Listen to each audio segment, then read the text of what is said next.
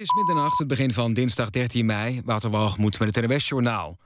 Het dodental van de gekapseisde boot met vluchtelingen op de Middellandse Zee staat officieel op 14. Maar er is nog veel onduidelijkheid over het lot van tientallen opvarenden. De boot met in totaal zo'n 400 vluchtelingen aan boord kapseisde bij het Italiaanse eiland Lampedusa. De kustwacht heeft tot nu toe zo'n 240 vluchtelingen weten te redden. De zoektocht naar de vermiste opvarenden kan pas weer verder gaan als het licht is. Zondag kwamen er bij Lampedusa al 40 bootvluchtelingen om toen hun boot zonk. Burgemeesters moeten het doorgeven aan staatssecretaris Steven... als ze informatie hebben over kinderen die in hun ogen onder het kinderpardon moeten vallen. Dat schrijft Teven in een brief aan alle 237 burgemeesters... die een petitie hebben getekend. Als de burgemeesters iets weten dat niet bekend is bij de Immigratie- en Naturalisatiedienst... wil Teven dat graag weten, schrijft hij. Ze kunnen tot 20 juni reageren. De Palestijnen willen dat groepen Joodse kolonisten internationaal worden aangemerkt als terreurorganisaties.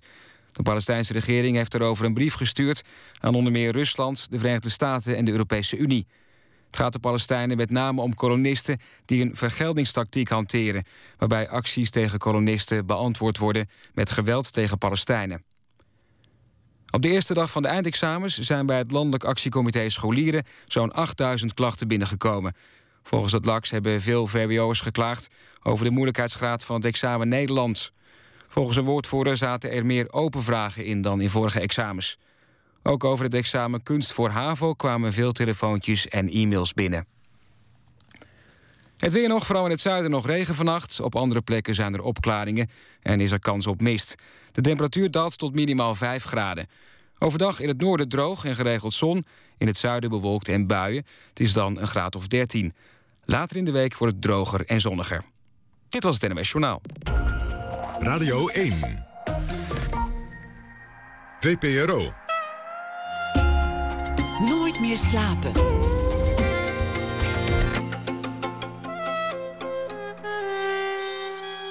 Met Pieter van der Wielen. Goedenacht en welkom bij Nooit meer slapen. Na één uur krijgt u een verhaal van schrijver Jannie Regnierus. Zij schrijft deze week elke dag een verhaal speciaal voor dit programma. En draagt het dan ook voor op basis van iets dat die dag is gebeurd in haar leven of in de actualiteit. En we krijgen dan ook verslag vanuit Japan, waar kunst omtrent het vrouwelijk geslachtsdeel voor ophef zorgt. Maar we beginnen met Peter Terin. Hij werkte ooit als vertegenwoordiger in De Marmer.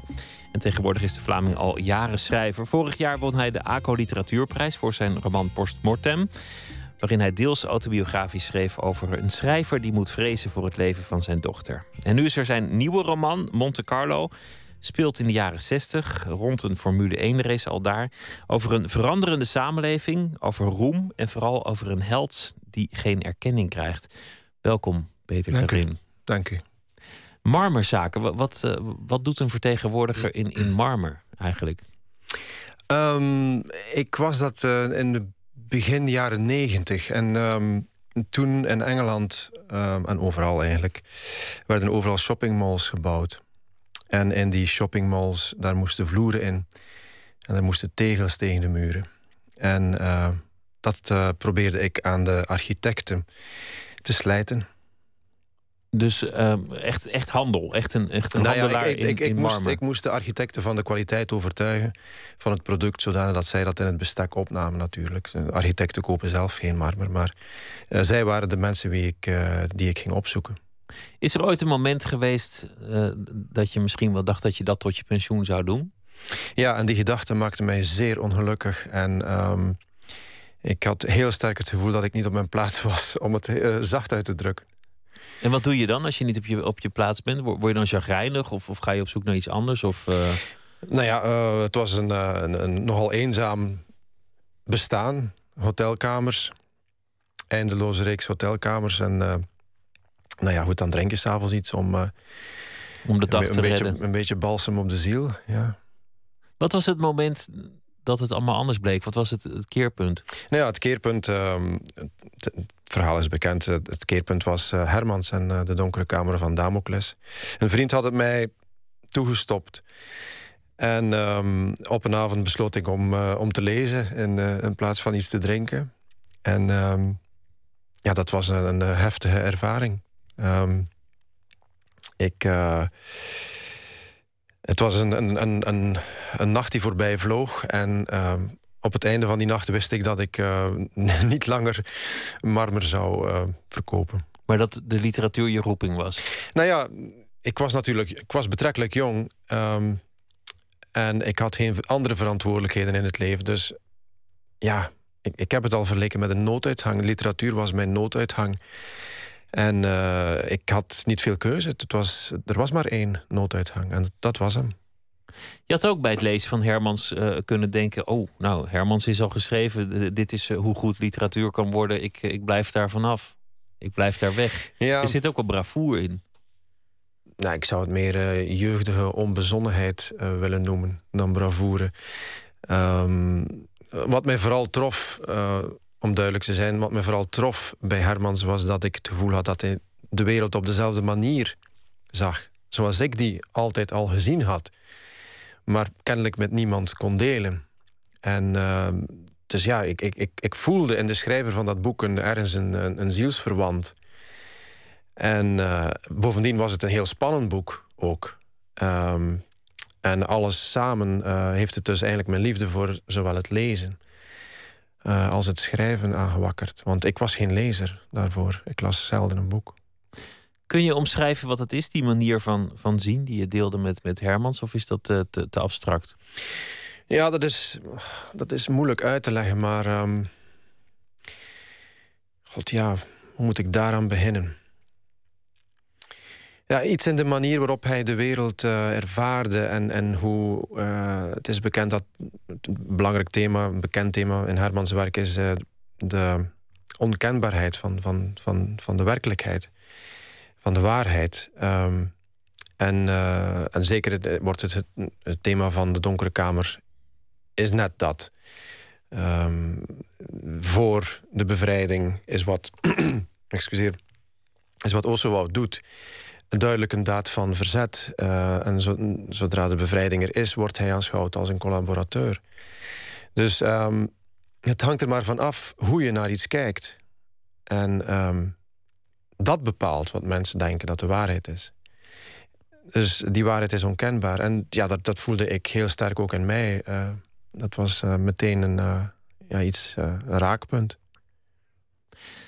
Nog een ander keerpunt, misschien, misschien wat minder diepgaand. Namelijk het moment dat je, dat je fan werd van Formule 1 racen.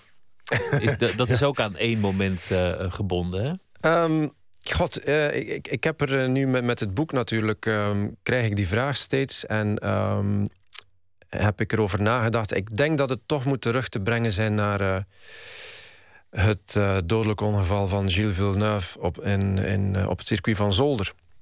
In 82. In de kwalificatieritten ehm, is hij daar verongelukt. We hebben een fragment van, die, van die fatale race. Gilles Villeneuve is critically ill in hospital after a 170 miles an hour crash during practice for tomorrow's Belgian Grand Prix at Zolder. Villeneuve, who's 30, is among the world's top drivers.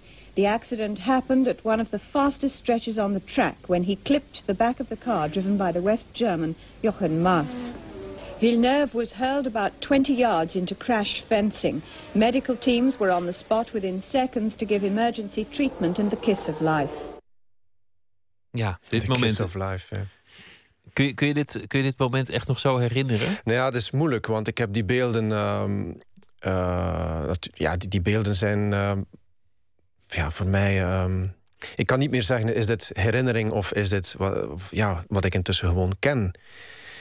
Ehm, het zijn bijna iconische beelden hoe hij zoals die Engelse mevrouw net zegt, uit zijn wagen werd geslingerd. Uh, het zijn hallucinante beelden. En als je ze eenmaal gezien hebt, dan vergeet je ze nooit meer. Dus ik kan het niet meer goed achterhalen. In elk geval, het moet rond die periode geweest zijn. En dat wekte juist de passie op voor die racesport. Want het had natuurlijk ook kunnen zijn dat je denkt... nou, als mensen zo bruut kunnen verongelukken... dan wordt dit mijn spelletje niet. Ja, ik was 14 jaar. Ja, dus spannend natuurlijk. Ja, dat, dat, dat, is, ja, dat is spannend. Dat is iets uh, heel uitzonderlijks, ja. Dus ik was meteen geboeid. Het nieuwe boek ehm, speelt met als achtergrond een, een Formule 1 race. Daar wil ik het zo over hebben. Maar eerst wil ik nog weten, dat moment, je, je hebt besloten om, om schrijver te worden. Opgezegd bij de marmerhandel. Dan ben je schrijver. Dan, dan ga je boeken maken. Maar dan, volg, dan volgen alle ontberingen beginnen dan pas natuurlijk. Heb, heb je bijbaantjes moeten doen als schrijver? Ja, ik heb, ehm, ja, ik heb bijna meteen ehm, mijn leven uh, heringericht, zeg maar. Ik ben uh, verhuisd naar Gent. En daar ben ik uh, part-time gaan werken in, in de horeca. Um, S morgens. Halve dagen dus. En ik had de namiddag dan vrij om, om te lezen, veel te lezen en veel te schrijven. Dus en, horecabaantjes gecombineerd met de literatuur? Ja, ik, ik, wou, ik wou echt mijn hoofd um, vrij houden. Ik, ik wou niet uh, iets journalistieks of zo... of uh, andere dingen schrijven. Ik wou mij helemaal concentreren op, uh, op fictie. En, en eigenlijk een beetje ja, mezelf vormen. Want ik, ik besefte wel heel snel dat, dat ik niet kon schrijven. en dat ik het zou moeten leren. Dus heb ik ehm, heel veel gelezen... Um, ik ben uh, gelukkig heel snel bij uh, uh, Raymond Carver uitgekomen. En, de verhalenschrijver, ja, dat, zo is hij altijd vooral bekend geworden. Ja. En ja, die man heeft mij met zijn verhalen heel veel geleerd. Heel veel getoond. hoe, je, nou ja, hoe je vooral niet literair moet proberen te doen. Heb je toen geworsteld met erkenning als je, als je eh, glazen staat te spoelen en tafels afneemt terwijl je intussen nee, werkt aan daar heb ik totaal geen last van gehad. Mijn, mijn moeder daarentegen wel. Zij, uh, mijn ouders zijn uh, eenvoudige mensen, hebben niet lang uh, naar school kunnen gaan. En zij vonden het zonde dat ik ja, zo'n prachtige job zomaar overboord gooide om, om wat te doen, om, om te schrijven. En ze kwam mij altijd zeggen, maar je kunt toch ook schrijven na je uren? Je hoeft toch niet je, werk op te geven? En toch, ja, nog lang nadat ik die beslissing uh, genomen had... bleef ze mij uh, uh, advertenties onder de neus duwen van... kijk, Peter, daar vragen ze zo iemand en, en jij hebt toch zo'n diploma. Dus um, het is pas ja, vijf jaar later... Um, toen ja, mijn eerste verhaal een, een, een, een, een, een, wedstrijd, een verhalenwedstrijd won in een literair tijdschrift. Toen, uh, ja, toen pas uh, was het ook voor hen uh, ja, een opluchting natuurlijk. Hè. Ouders zijn natuurlijk bezorgd. was het een opluchting en, en zou, zou hun zoon misschien toch niet in de goot belanden en zou misschien was toch iets toch, worden. ja. toch gered. Ik vraag het ook om, omdat het in dat laatste boek erg gaat over erkenning. En er gaat over, over het uh, gezien worden door een ander. En eigenlijk het bestaan in de ogen van een ander. Waarom wilde je als achtergrond die Formule 1 race? Was het alleen maar omdat je, dat je een racefanaat bent en omdat je dat een mooie omgeving vindt? Of speelde er meer? Ja, dat, dat was toch wel. Um, ik had echt het plan opgevat om, um, om daar iets mee te doen.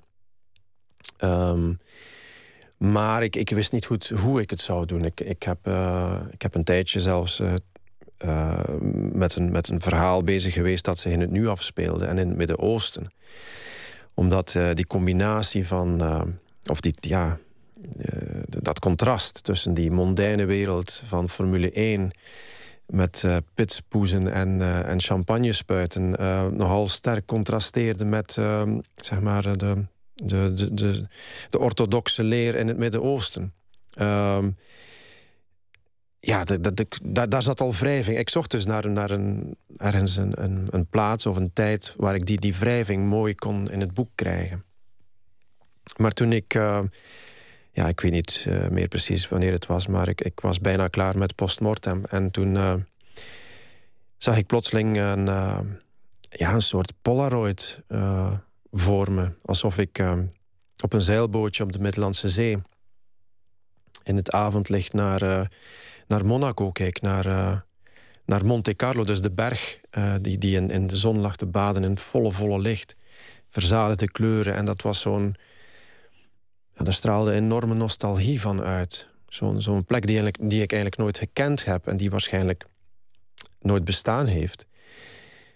Maar ik zag, ik zag die plek wel. Ik, ik zag ja, dat beeld was zo sterk dat ik dacht van ja, daar moet ik naartoe. Dat, dit is wat, wat ik wil. Uh, die, die, zowel Dede in het verhaal als mijn hoofdpersonage Jack Preston, die, die, ja, die dromen van, van zo'n Monaco, zo'n illusie. Een plek de glitter, van, de glamour. Ja, een plek van schoonheid, van elegantie, van zorgeloosheid, van uh, rijkdom. ja. Maar het is ook een wereld waarin niet iedereen erbij hoort, waarin niet iedereen wordt toegelaten. Nee, nee, uiteraard niet. Ehm, maar Jack Preston heeft, ja, hij proeft daar telkens van, van die wereld. Hè. Als hij uh, telkens er een grote prijs is, dan, uh, dan gaat hij op reis. Hij woont in, op het Engelse platteland. En dan gaat hij op reis naar, naar al die, die prachtige plaatsen. En dan, uh, dan proeft hij van die wereld. Ziet hij ook mensen die, die in die wereld dus rondlopen, thuis horen. Hij is automonteur. Hij, hij uh, is er wel, maar hij maakt niet deel uit van, van de Beaumonde. Nee, nee, nee. Uiteraard niet. Nee. Maar uh, nou ja, wat in het eerste deel van het boek gebeurt... Hè, hij, zeg maar, verricht een heldendaad. Of in elk geval, hij zorgt ervoor dat DD, een, uh, een filmsterretje dat intussen ja, wereldberoemd is... en het gezicht, het, het, meest beroemde gezicht van de wereld is... op dat ogenblik misschien wel. Nou, hij beschermt haar van, een, uh, van, van verminking. Van het vuur. Van het vuur. En ja, dat, dat verandert alles, want nu zal hij misschien er wel deel van kunnen uitmaken. Want zodra hij bekend wordt als de redder van DD, ja, dan zal hij uitgenodigd worden in de talkshows. Misschien wel samen met DD, om erover te praten. En zal iedereen ja, hem kennen, hem aanwijzen als, als, als de redder van, dat, van die jonge belofte, van dat, van dat prachtige meisje. Daar zit ook in een, een veranderende samenleving. Het, het moment 1968 is natuurlijk in de geschiedenis een een soort van keerpunt in heel veel opzichten. Maar volgens mij ook in de sport. Volgens mij is dit het moment langzaamaan dat de sport de onschuld begon te verliezen. Zeker ook de autosport. Ja, er zijn, het was een hele interessante periode om, om, om, het, om het verhaal te plaatsen. Mei 68, je denkt onmiddellijk aan, uh, aan politiek en, en maatschappelijke omwentelingen. Ik vond het ook wel leuk om daar ja, nauwelijks over te rappen en, uh, en het over iets heel anders te hebben. Want ja, er waren ook mensen die aan wie die omwentelingen ja, toch een beetje voorbij hingen. Um, maar aan de andere kant, uh, ja, in de Formule 1 bijvoorbeeld... Uh, was er plots de intrede van zoiets als aerodynamica. Dat, dat, dat, is on, ja, dat was iets dat kende men vroeger niet. Vroeger was het, uh, het om de motor. En die moest zo, zo, ja, zo groot mogelijk vermogen ontwikkelen. En, en, en, de piloot moest zo sterk mogelijk zijn om, om, om die wagen door de bochten te krijgen. Maar toen veranderd met, met ja, ook met. De, hoe zeg je dat? Sponsoring, nee, nee, met, met, de, met, de, met de ruimte, met, met de maanland, met het reizen naar de maan enzovoort.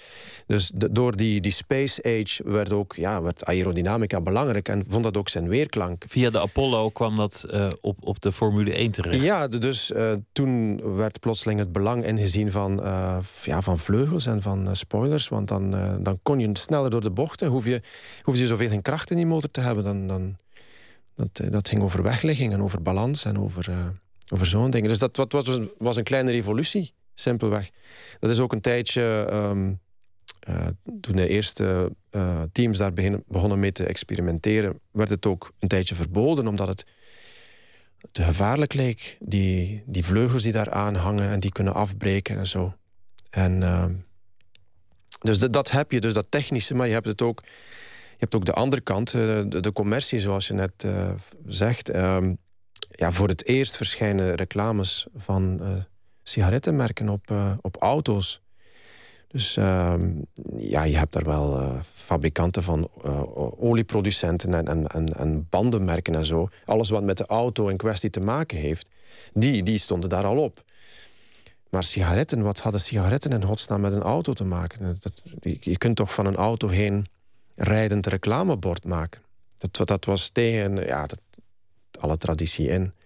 Dat maakt uh, de hoofdpersoon in jouw boek een, een, ouderwetse man. Een man die, die afscheid moet nemen van de tijdgeest. Een, een man die er eigenlijk ja, opgegroeid in de jaren 50, ja. Uh, hij is opgegroeid in de jaren 50. Een man met briljantine in zijn haar. Ja, en net zoals um, in Vlaanderen het geval was, zijn de jaren 60 maar uh, ook op het Engelse platteland maar heel laat doorgedrongen. Dus 68 is voor hem een beetje het begin. En uh, dan ziet hij inderdaad Dede rondlopen. Vroeger, hij kende... In zijn tijd waren meisjes, wouden meisjes er, er ouder uitzien. En, en, en met, een, ja, met een volle boezem en, en, en, en met dieprode lippen. En plotseling, ja, wil iedereen eruit zien als een meisje op, op lange blote benen. Dat, is een totale ommekeer voor hem ook. Dus hij zit een beetje... Ja, hij verlangt ergens wel om daar, om daar deel van uit te maken.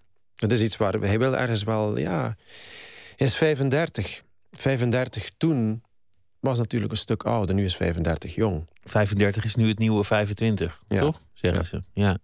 De, de DD is een beetje geïnspireerd op de actrice van, van De Vrekers. We konden het niet nalaten om... Uh, om een klein fragmentje van, uh, van de wrekers natuurlijk even voor de sfeer uh, te spelen. Right. Where is it? Where's what? The body. The body? Mm, the corpus delicti. Oh, I'm not particular. It could be stabbed, strangled, riddled with bullets, mutilated beyond recognition. You're quite right until we find a body. We've nothing to investigate. We're defunct. Obsolete. Out of business. Nou, voor, de, voor de oudere luisteraars die het nog kennen, De Vrekers. Een, een uh, zeer succesvolle serie er zitten een aantal thema's in waarvan ik vermoed dat ze ook, ook een beetje betrekking op de schrijver zouden kunnen hebben, maar dat in, in abstracte zin. Die, die, die hang naar erkenning, die, die zoektocht naar, naar applaus. Heb je dat? Ja, heb ik dat. Ehm,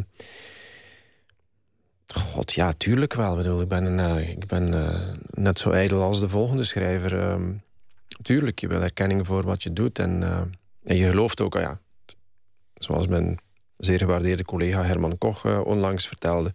Je gelooft natuurlijk dat je veel interessantere boeken schrijft dan, uh, dan je collega's. Anders, Anders zou je, niet publiceren. ja. Anders zou je niet publiceren. Maar in, in, in het boek lijkt er toch in te zitten dat, dat de ware helden niet de erkenning krijgen, omdat dat die is gereserveerd voor een soort glamour-circuit. God, ja, dat heb ik niet zo bedoeld. Maar de tragiek is natuurlijk. Kijk, ik ben in de eerste plaats een, ehm, een verteller. En uh, uh, het maakt mijn verhaal interessant. Of, of de tragiek van het verhaal wordt groter. Als je iemand hebt die uh, van bescheiden komaf is en, en even gelooft dat het zal gaan gebeuren. En ehm, daar ook recht op geeft. Dat, dat, ja, dat vergroot die tragiek. Ehm, en uh, ja, dat, dat, dat zijn van die verhaalelementen die zich ook ontwikkelen vanuit uh, een soort vakmanschap. Je denkt van ja, nu moet het zo gebeuren. Dat heb ik nodig om het verhaal uh, ja, interessant en spannend te maken. Dat, dat hoeft niet noodzakelijk iets met mij Nee, het, het, is eigenlijk ook altijd betrekking te hebben. Het is ook eigenlijk altijd rottig om meteen naar, naar de man achter het verhaal te, te, te vissen. Ja. Alsof iemand niet zou mogen fantaseren. Alsof, alsof dat niet, niet vrij staat. Maar ik, ik vind jou ook niet een glamour-schrijver. Wel, wel een. een uh, een glamour-schrijver, wat, wat versta je daaronder? Nou, dus, er zijn natuurlijk schrijvers die, die in de eerste plaats schrijver zijn om de feestjes af te struinen en om elke oh avond uh, Met, een, met een stuk in de kraag uh, thuis te komen. Ik, ik, ken schrijvers die al negen jaar wachten op een debuutroman, maar wel al negen jaar aan de bar staan te verkondigen Oh, dat ze schrijver zijn. Dat is een glamour schrijver. Nou ja, dat is, dat is een anti-glamour schrijver. Maar als je het op het goede feestje wordt, doet, dan wordt het vanzelf glamour. Oké. Nee, dat ben ik niet. Nee. nee. nee. In, in, tegendeel zelfs, misschien. Nou, ik, uh, ik kom graag op feestjes hoor. Maar ja, uh, uh, ja als het goede feestjes zijn, dan, ben ik er graag bij. Maar um, nou ja, goed, dat is niet het doel geweest. Hè. Bedoel, het, het, het, doel was schrijven. Dat was ehm, het, het, mijn, mijn grootste feestplezier zit natuurlijk ehm, in, het, in het schrijven zelf. En uh, wat erbij komt, komt erbij. En, uh, en als het erbij komt, is het leuk.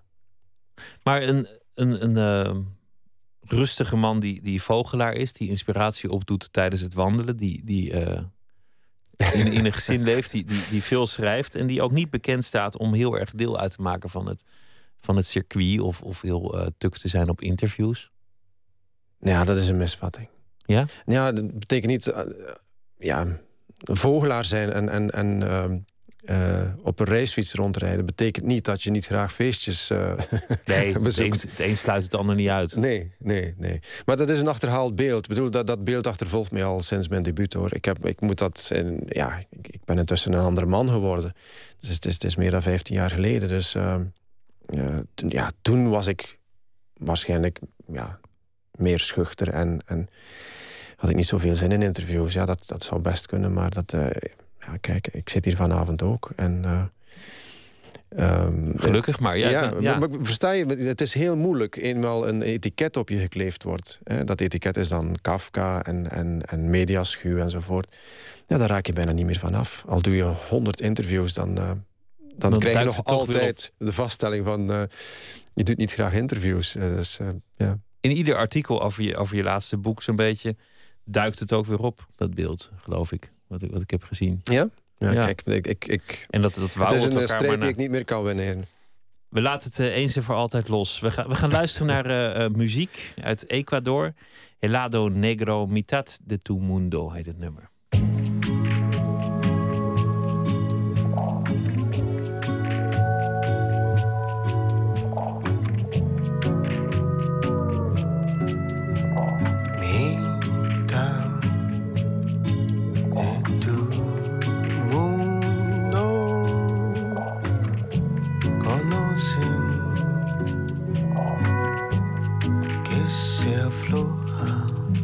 see.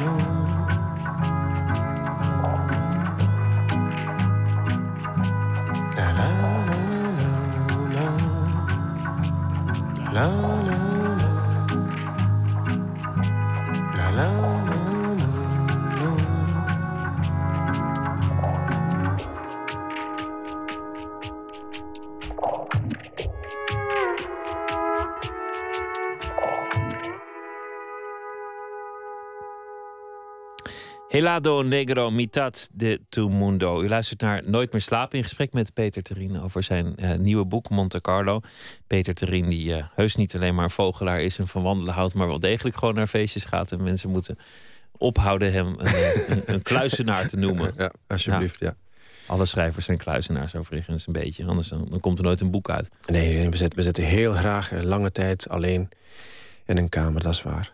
Dan komen we ook graag eens buiten. Het vorige boek, ehm, dat, dat heeft het buitengewoon goed gedaan. Heeft ook een, een ACO Literatuurprijs eh, gewonnen. Was in bepaalde opzichten veel autobiografischer. Da- Daarin eh, kwam jij zelf ten tonele als, als schrijver. De, de Ja. gebeurtenissen. Een, een, een schrijver die twijfelt aan allerlei dingen. Die, die twijfelt ook aan, aan nou ja, de, de, de zin van zijn bestaan en wat er zal gebeuren als hij er misschien niet meer zou zijn. En dan gebeurt er een, een, nou ja, een noodlot. Zijn, dochtertje wordt, wordt ziek. Dat was autobiografisch. Dat, dat is echt gebeurd. Dat uh, is helaas uh, echt gebeurd, ja. Um, maar ik zou, ik zou het boek, ja. Uh, ik, het, het, blijft een roman. Hè? Het, is een, het is geen autobiografie, het is een autobiografische roman. ik heb wat er gebeurd is, um, ja, op, op, verschillende manieren gemanipuleerd, eigenlijk, om, om het in de roman te laten passen. En ehm, om meer te vertellen dan alleen dat verhaal. Ik, heb, ik vertel ook, uh, ja, nu het dan toch een, een schrijver was als hoofdpersonage. Hè. Ik vind dat dat één, schrijver mag dat één keer doen. Uh, Zo'n hoofdpersonage kiezen. Um, heb ik ook, uh, ja, bijvoorbeeld in het eerste deel van het boek, want als schrijver krijg je heel dikwijls de vraag, of ik toch, van waar haal je je inspiratie en hoe gaat dat een boek schrijven? Wel, in het eerste deel van Postmortem zie je hoe dat gaat. Hij, uh, die, die, schrijver krijgt plots een idee onder de douche... en dan zie je hoe zijn wereld uh, verandert... omdat hij met dat idee in zijn hoofd rondloopt... en alles, dat idee kleurt eigenlijk alles wat hij ziet. En hij wordt ook een beetje zijn personage... en zijn personage wordt ook een beetje hem. Ja, het is nauwelijks nog van, ze zijn nauwelijks nog van elkaar te onderscheiden. Ja. Want uh, soms is het voor de lezer... niet duidelijk wie nu ja, in, in de scène figureert. Is dat, nu, is dat nu de, de schrijver met het, die het idee krijgt? Of is dat de schrijver van, van die roman? Want hij krijgt een idee voor een nieuwe roman... en dat zal gaan over een beroemde schrijver. Dan gebeurt... Uh, ik, ik, noem het een ongeval. Dat, dat is in strikte zin niet, want het, het, het is een infarct. Dus het, het, uh, het, het dochtertje krijgt een infarct. Dan verandert de roman ook een beetje van, van toon, strekking en aard. Is, is het ook echt zo gegaan dat je met iets heel anders bezig was en dat dat zich opdrong aan de schrijver? Ja, ik, ik, was, ik, ik, ik had inderdaad eerst uh, dat idee om een, uh, om een beetje een thriller te schrijven. Over een uh, beroemde schrijver die ja, een, een, een, angst ontwikkelt voor zijn eigen biografie. En dat was er wel eerst. Maar ik was nog niet aan het schrijven. Dus um, toen het infarct uh, kwam. En uh, nou ja, aan, aan, aan, het ziektebed van uh, mijn dochter begon ik uh, een beetje uit overleving gewoon te schrijven. wat er gebeurde op dat ogenblik. Een soort verslag. En ehm, later zag ik hoe die twee verhalen eigenlijk alles met elkaar te maken hadden. Het verhaal dat je aan het schrijven was en het verhaal dat, dat zich wat, ja, net, net zo'n zo'n net zo'n uitgerekend, zo'n schrijver die uh, uh, bang is voor zijn, voor zijn biografie. Uh, en, en eigenlijk een, een hekel heeft aan autobiografische romans. Die, um, ja, die wordt plots heel erg geconfronteerd met iets, iets waar hij zal moeten over schrijven iets in zijn persoonlijk leven waar hij zal moeten over schrijven. En dat is net zoals we ook in Monte Carlo net uh, hadden over de, de, ironie van het lot. Dat uh, iemand die het verdient om beroemd te worden dan niet wordt. Dat, hier zat ook een, een hele mooie, ja, ja, noem het dan ironie, in, in dat verhaal. Dat net hem dat overkomt. Hij die ook een beetje ijdel bezig is met, met de vraag... als ik er niet meer zou zijn, hoe zal mijn dochter mij dan herinneren? Dat, dat is een, een, een reële vraag, maar ook een ijdele vraag. En dan ineens is niet hij degene die over zijn sterfelijkheid moet nadenken, maar moet hij nadenken over de sterfelijkheid van die, van die dochter. Ja, ook dat. Uh, ja, je zou kunnen zeggen dat hij in het eerste deel van het boek nogal egocentrisch is. Ja, ijdel vind ik een verkeerd woord hoor, want het is natuurlijk. Um, uh, het zou kunnen dat een biografie van hem, over hem verschijnt. Dat zou kunnen. Um, en als hij die gedachte heeft, gaat het toch voornamelijk over zijn dochter en niet over hem. Ik bedoel, hij is bang dat zijn dochter hem nooit zal kennen. Dat ze een andere vader zal krijgen als mocht hij vandaag komen te overlijden. En ja, ze haar vader moet gaan construeren uit het verhaal van een biograaf. Wat nooit juist kan zijn. Dat, daar, is, daar is hij van overtuigd. Dus um, maar in, het, het, klopt, hè. in het eerste deel is hij uh, egocentrisch. Um, en uh, ja, in het tweede deel um, um, wordt zijn verhaal of zijn idee uh, uit handen geslagen. En zijn er andere dingen aan de orde. Er zit een, een, een hele mooie scène in dat, dat ze op de gang zitten te wachten, de, de gang van het ziekenhuis. en dat iemand de frisdrankautomaat komt, komt bijvullen, zoals dat moet gebeuren. Dus er komt iemand binnen met blikjes en die, die eh, nou, stopt ze in, in het apparaat. En eigenlijk is dat ook op, op een bijna metafysische manier de, de bevrijding van, van degene die het verhaal vertelt, van, van de schrijver. Het, ja, het is het moment dat, um, dat we ook zo. Eh, we, dat is uh, mijn vrouw en ik, zo hebben meegemaakt. We, we zaten in de wachtzaal. We moesten uh, eventjes buiten. Uh, en we zitten daar in, in zak en as uh, naar zo'n automaat te staren. alleen in zo'n wachtkamertje, dat, dat, dat verschrikkelijke gezoom. En en plots komt een man binnen eh, met nogal een heleboel, een, indrukwekkende sleutelbos. En, en zo'n zo'n zo'n karretje met daarop ja, blikjes cola en, en, frisdrank. En die man kijkt niet eens naar ons, die, die begint die automaat te vullen. En uh, vertrekt ook weer, zonder, zonder dat we eigenlijk zijn gezicht gezien hebben. En het rare is dat, ja, plots was er iets veranderd. Um, plots was die onrust die wij hadden over wat er zou gebeuren, was die als het ware omgeslagen in, in vrede, uh, een aanvaarding van oké, dit, dit is ons lot. René, hopelijk zal ze blijven leven. En als ze blijft leven, dan zal ze onze nieuwe dochter worden. Want het was heel duidelijk dat het heel ernstig zou zijn. En dat ze er niet ongeschonden uit zou komen. En plotseling waren we, waren we sterk. Plotseling hadden we, was er, ja, je zou kunnen zeggen, berusting is, is niet goed. Maar in dat geval was berusting net wel goed. Het was aanvaarding, vrede. En dat zijn die woorden die steeds maar terugkomen. En plots was het daar. Heel merkwaardig. En vanaf dat ogenblik ehm, hebben we gewoon, uh, ja, stonden we sterker. Hoe is het inmiddels met, met je dochter? Heel goed. Heel goed. Ze heeft een, uh, ze heeft een motorisch gebrek. En uh, als we dan toch uh, terugkeren naar de auto's. Um, als je het vergelijkt met een, uh, met een auto van een viercilinder... heeft zij helaas maar drie cilinders meer. Omdat een deel van de hersenen verdwenen is, simpelweg. Um, en dat maakt dat zij harder haar best moet doen om dingen aan te leren. Zij is, en dat is typisch voor mensen met een, uh, dat heet een niet aangeboren hersenafwijking. Vermoeidheid. Veel sneller vermoeid, omdat ze veel harder, die hersenen moeten gewoon veel harder werken. Om hetzelfde voor elkaar te krijgen. Maar gelukkig is ze cognitief niet geraakt geweest. En dat is toch een, iets heel belangrijks geweest voor ons. Ja. In dat boek krijgt op een zeker ogenblik de schrijver een belangrijke literaire prijs. De, de, ironie wil dat, dat jij ook een belangrijke prijs voor dat boek zou krijgen het, later. Het, ja, het is, um, het is inderdaad zeer opvallend. Ja, en, uh, het is bijna alsof door het op te schrijven die, die, die prijs ook. Ja, en, en, dat is ook een beetje wat in het boek gebeurt. Hè? Ik bedoel, hij, um, die, die schrijver, uh, dat idee voor zijn nieuwe roman komt nadat hij een uh, excuus heeft gemaild voor een etentje. En, uh, en daarin schrijft hij wegens nogal moeilijke tijden in de familie.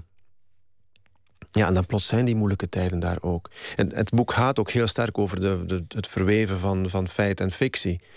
Dat, dat ja, zodra je met een idee rondloopt als schrijver... dat het niet meer te ontwarren is wat er nu werkelijkheid is... en wat je al in fictie om, omgezet hebt.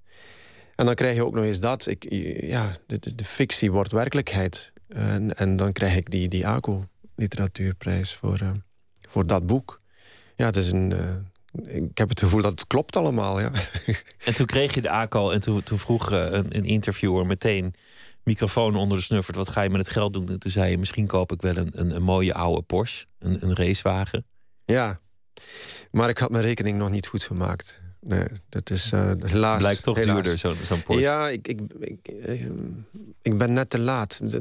Sinds een jaar of vier, vijf zijn um, die modellen uh, die ik de mooiste vind... plotseling heel geheerd en uh, worden ze al maar duurder.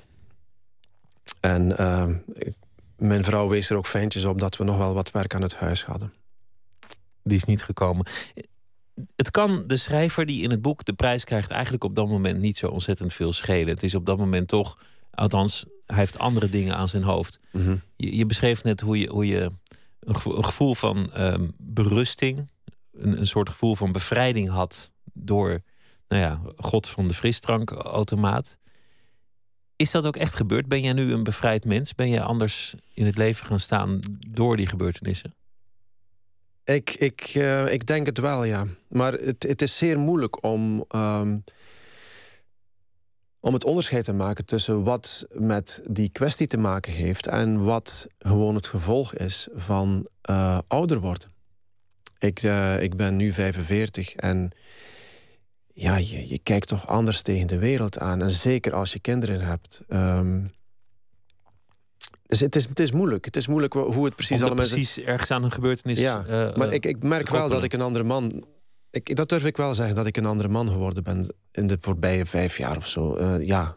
Maar een, en hoe anders? Ja, ik probeer nu bijvoorbeeld met Monte Carlo... simpelweg een mooi en elegant verhaal te schrijven.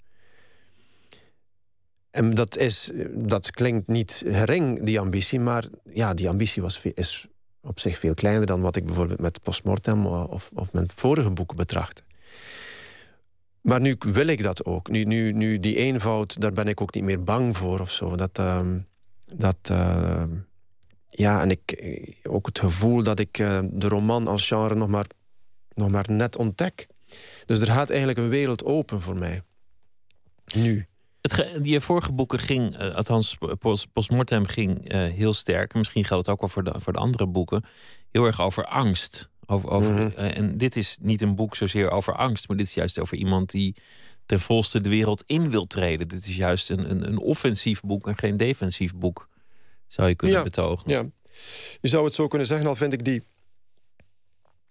Ehm, ik begrijp het wel hoor, het wordt ook altijd geschreven over die angst en zo, maar...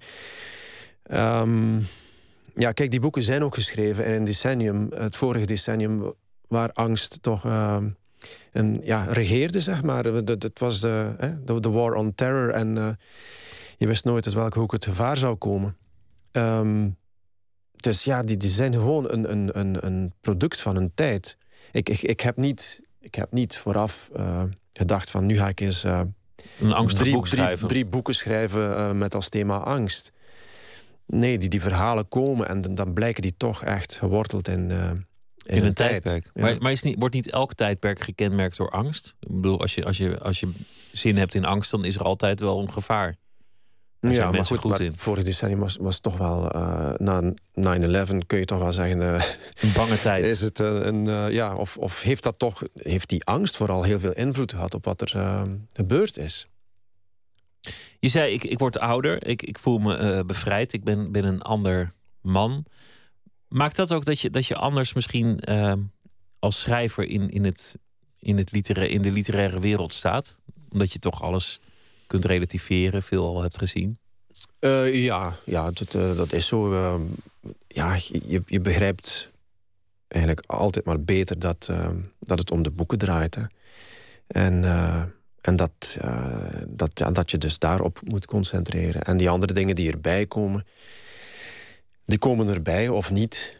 Ehm, maar ik acht mij, ik prijs mij zeer gelukkig dat ik eh, eh, kan schrijven. En eh, dat ik niet nu op dit ogenblik toch ehm ander werker moet bijdoen en zo. Geen, geen tafels meer. voel- nee, nee ik, heb het, ik heb het wel lang gedaan hoor. Ik heb het, denk dat ik het 13 jaar gedaan heb. Dus, maar ehm, ik voel me ja, de, de, de koning te rijk. Hè. Bedoel, ik, eh, eh, dit is het leven dat ik, eh, waar ik van droomde. Kunnen schrijven. Ontvluchten aan, aan de marmer en daarna ontvluchten Ja, joh, daar had ik geen zin meer in. Nee, nee. Ik wil het ook nog met je hebben over, over de stijl in het boek. Want die, die is wezenlijk anders dan, dan de stijl in, in, het, in het vorige boek. Om, om, al was het maar omdat je, dat je, zoals je net zelf al zegt, echt een verhaal vertelt. Mhm. Heb je ook echt bewust nagedacht over de stijl? Of was het gewoon zoals het, zoals het kwam? Ehm, ik heb me wel. ehm, een deel van die ambitie was, was wel om. ehm, kijk, het is altijd zo als je met een. Als ik met een boek bezig ben en ik, ik, ik, zit, ik nader het einde en ik weet dat het boek er zal komen en dat het goed zal zijn naar mijn normen en zo. Op dat ogenblik ja, ontstaat er ruimte weer in het hoofd. Om, uh, word je weer ontvankelijk voor, voor nieuwe ideeën. En het is altijd zo dat, omdat je nu in dit soort boek zit, dat je, als je over een volgend boek denkt, dat je over een totaal ander soort boek denkt. Dus dat had ik nu ook uh, met Postmortem. Ik wou, ik wou ja, vooral, ik, ik wou vertellen. Ik wou um, uh, ja, een kleine soort sprookje, een, een mythe schrijven. Een, een, verhaal, een verhaal dat moest lezen alsof het altijd al bestaan had. Maar ook met een, met een alwetende Met verteller. een alwetende verteller. En, en vooral die alwetende verteller zorgde voor plotseling voor een heel ander soort proza. Het, um, ik, ik hoefde niet scènes helemaal uit te schrijven. Ik, ik mocht gewoon vertellen in één zin wat er, uh, wat er gebeurt. Zonder dat je dat, uh, ja, zonder dat, je dat, vanuit een personage hoefde te doen. En dat, dat, dat, was, dat was fantastisch. Ja, dat, was, uh, dat vond ik. Uh, ja, dat is de eerste keer dat ik dat doe. Dus, uh, de, de stijl is bij Vlagen zo sober dat het bijna impressionistisch wordt, maar, maar alles is raak. Er zitten ook heel, heel kleine verwijzingen in dingen die terugkomen. Met oog voor detail. Dus de man wordt beschermd tegen het vuur door zijn briljantine. Later is hij een ouderwetse man, want hij heeft briljantine in zijn haar. Dat soort detail zit er in het boek. Dat duidt er volgens mij op dat je heel hard eraan gewerkt hebt.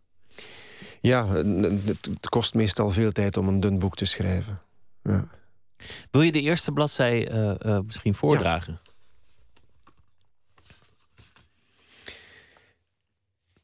Ja. Het vuur is nog geen vuur. Niet echt. Maar de hoogwaardige brandstof die net uit de lotus is gelekt, is geen vloeistof meer. Deze verandert van gedaante. Op dit ogenblik. Een brute ommekeer die gepaard gaat met wat sommigen zullen omschrijven als een geblaf. Een gemeenplaats. In werkelijkheid het geluid van een rusachtig, naar zuurstof happend beest. Geen vuur nog. Een wolk van hitte. Zonder kleur voorlopig onzichtbaar in het felle zonlicht van deze uitzonderlijk warme lentedag in Monte Carlo. Een wolk die hem in de rug duwt en tegelijk omvat. Overal, ondergoed, zelfs de brillantine in zijn haar zijn nog valabele grenzen, in staat hem af te schermen, zijn huid te sparen. Op dit ogenblik bestaan ze naast elkaar, evenwaardig, zijn overal en de spokende hitte. Het vuur dat nog geen vuur is. Het lijkt alsof je, alsof je heel veel geschrapt hebt om, om het zo te krijgen. Of, of heb je dit gewoon. Is dit hoe het kwam? Het, dit is grotendeels hoe het kwam, ja. In deze, ja, ik, ja. ik dacht, die heeft het eerst heel uitvoerig opgeschreven. Nee, compleet met racebaan, nee. auto, 60s. Nee, uh, nee omdat ik, ik wist ook heel goed wat ik, wat ik wou, welk soort verhaal het zou zijn. En dan, uh, ja, dat scheelt natuurlijk. Ik wou het beknopt, ik wou het in die korte hoofdstukjes. En uh, ja. Dat hoort volgens mij ook bij, uh, bij, bij de bevrijde man, dat je weet wat je wil. Zou kunnen, maar voor het volgende boek weet ik het niet. Nog niet? Nee, en ik wil het ook niet weten. Ik wil het vanuit de persoon. Nu wil ik vanuit, vanuit de personages schrijven. Het, het, verhaal moet zich ontwikkelen terwijl ik schrijf. Dat is de nieuwe uitdaging. Dat is nu, nu wat ik. Uh, waar ik naar uitkijk. In je vorige boek beschreef je dat de schrijver een uh, uh, boekpresentatie heeft... en dan van een professor die een praatje houdt... hoort waar het boek over gaat Mhm. mm -hmm. en denkt... oh ja, gaat het daarover? en dat vond ik een herkenbaar moment... omdat ik ook eens op een boekpresentatie kom... en dan, dan hoor je ook altijd iemand de schrijver vertellen waar het over gaat. Mm -hmm. Ja, het, het, ja, in de ideale wereld zou de schrijver eigenlijk niets over, niets over zijn verhaal mogen vertellen... en kan de lezer... ja, zonder, zonder ja, blanco aan het verhaal beginnen. En dat zou natuurlijk uh, het beste zijn. Maar ja, goed. Er moet over gepraat worden. Maar het is ook zo dat uh, zodra het boek er is... ja, dat toch een eigen leven gaat leiden. Het is nu van de lezer. Het is nu, ja, het is van de lezer. Dat merk ik nu al. Dat, uh, ja, dat, dat, dat ik het... ja, ik heb mijn lezing van dit verhaal. Maar er zijn kennelijk nog andere lezingen mogelijk. En die mogen ook best. En die, die mogen natuurlijk bestaan, uiteraard. Peter Terin, dank je wel. Met plezier. Het was leuk dat je er was. Het uh, boek heet uh, Monte Carlo en uh, Dank. We gaan luisteren naar uh, muziek van Nick Mulvey en het nummer dat heet Nitrous. If you see old nitrous man selling laughter from a can, go tell him that the dream still fits the plan. And that's why we're waiting at the table. Yes, he's welcome at the stand, and I won't mind the moment you can say that you saw in a dream. How you can let me know anyway that you've seen the day with no more to pay. When trouble came in droves, but we drove it away. Ah, we get we get mad with no words to say. We get mad waiting, get. Somehow we get mad giving too much away.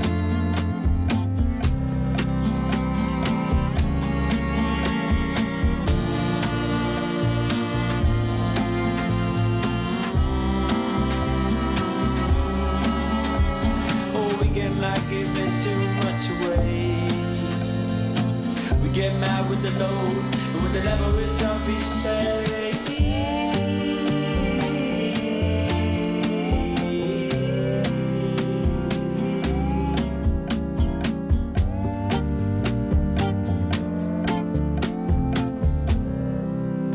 Surely it is time for you and me. Open your mind. Surely it's plain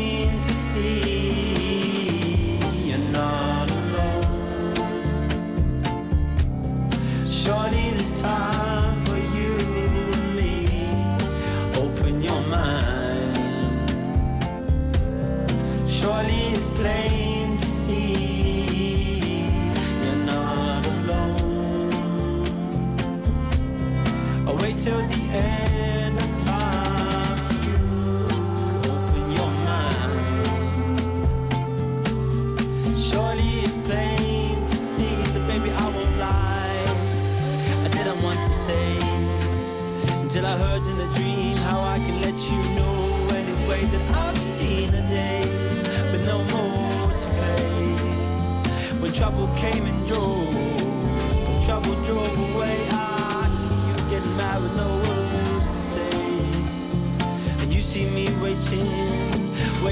get paid. Still somehow we get mad, giving too much away.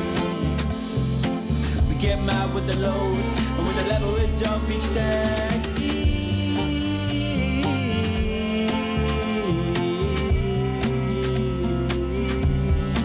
So if you see old nitrous man selling laughter from a can, tell him that the dream still fits the plan. Nick Mulvey was dat. Het nummer heette Nitrous. En hij is een Engelse singer-songwriter die muziek studeerde in Cuba en etnomusicologie in Engeland. Eigenlijk is dat nauwelijks terug te horen op zijn uh, soloalbum, deze week verschenen. En die plaat die heet uh, First Mind. Morgenavond wordt de Libris Literatuurprijs uitgereikt voor de beste oorspronkelijke Nederlandse literaire roman van het afgelopen kalenderjaar. Nooit meer slapen zal uitzenden vanuit het Amstel Hotel waar de prijs uh, wordt uitgereikt. De genomineerden zijn Jeroen Teunissen, Robert Wellage, Steven Hertmans, Tom Lanois, Marente de Moor en Ilja Leonard Pfeiffer. Met de winnaar, wie dat ook zijn mogen, zal ik uh, morgen een uur praten. Afgelopen week vroegen we al elke avond aan iemand om een van de romans uh, aan te prijzen. En vanavond hoort u welke roman wordt aangeprezen door uh, wetenschapper en uh, literator en publicist Paul Scheffer. De verste herinnering die ik aan mijn grootvader heb, is die aan het strand van Oostende. Een man van 66, keurig in het nachtblauwe pak, heeft met de blauwe strandschep van zijn kleinzoon een ondiepe put gegraven, waarvan hij de opgeworpen rand heeft afgeplat, zodat hij en zijn vrouw daar enigszins geriefelijk kunnen gaan zitten. Het walletje achter hen heeft hij wat opgehoogd, zodat ze zich beschut weten tegen de aflandige augustuswind die onder hoge nevelslierten op de terugtrekkende lijn van de golven aanwaait. Ze hebben hun schoenen en sokken uitgedaan en zitten licht met hun tenen bewegend te genieten van de koelte van het dieper liggende, vochtige zand. Een voor mij als zesjarig kind ongewoon frivol lijkende daad van deze twee eeuwig in het zwart, grijs of donkerblauw geklede mensen. Wat horen we hier? Wat horen we hier? We horen hier uh, de eerste linia van het boek van uh, de Vlaamse schrijver Stefan Hertmans, Oorlog en Terpentijn. En het geeft eigenlijk meteen wel een mooi beeld, want um, het is een boek waarin het verhaal wordt verteld van zijn grootvader. Uh, het hart van um, zijn roman is eigenlijk gebaseerd op uh, memoires die die grootvader zelf heeft geschreven... over zijn tijd in de loopgraven van de Eerste Wereldoorlog. Een gruwelijk verhaal natuurlijk over ontzettend veel ontbering, uh, geweld. En het wordt voorafgegaan door een lange proloog... waarin eigenlijk het leven van die grootvader wordt geschetst in het Gent van rond de eeuwwisseling. Hè, dus overgang van de 19e en de 20e eeuw. En er zit een hele lange epiloog aan... waarin eigenlijk uh, vooral een gefnuikt levensverhaal wordt verteld. En vooral het verhaal van een, een liefde die nooit echt um, omarmd is. Wat is er zo mooi aan dit boek? Nou, je ziet het eigenlijk al in de eerste linie. Het is een prachtige poëtische verbeelding van het leven. En ik vind dat hij er heel goed in slaagt om in dat voorspel wat hij beschrijft in Gent daar voel je al eigenlijk de aankondiging van de industriële tijd. Dus je grootvader, een vrij arm gezin. Uh, die werkte in het slachthuis met de prachtig beschreven scènes van hoe een slachthuis er in het begin van de 20e eeuw uitzag. Die werkte in een ijzergieterij, dus je voelt al eigenlijk in die beelden die hij oproept van die uh, arbeidsomstandigheden, voel je eigenlijk al de schaduw werpt dat vooruit naar de gruwelen van de Eerste Wereldoorlog. Waarvan hij heel goed laat zien wat voor een beschavingsbreuk dat uh, eigenlijk geweest is. Omdat het natuurlijk de eerste oorlog was die eigenlijk met industriële middelen uh, werd gevoerd. Een massaslachting zoals nooit daarvoor een oorlog uh, was geweest. En die loopgraven was natuurlijk in de verbeelding ook van die uh, generatie... van die grootvader van Stefan Hertmans. was natuurlijk daarom zo'n grote beschavingsbreuk. Omdat ze tegelijkertijd waren opgegroeid met een enorm geloof in de wetenschap, in vooruitgang gedragen ook door die wetenschap. En natuurlijk nu ineens in die loopgraven, diezelfde wetenschap en alle kennis... het vehikel was geworden voor een grote slachting. Dus dat, wat we ons eigenlijk moeilijk nu meer kunnen voorstellen... was hoe groot het optimisme was in Europa... over de sociale vooruitgang, over de wetenschappelijke vooruitgang.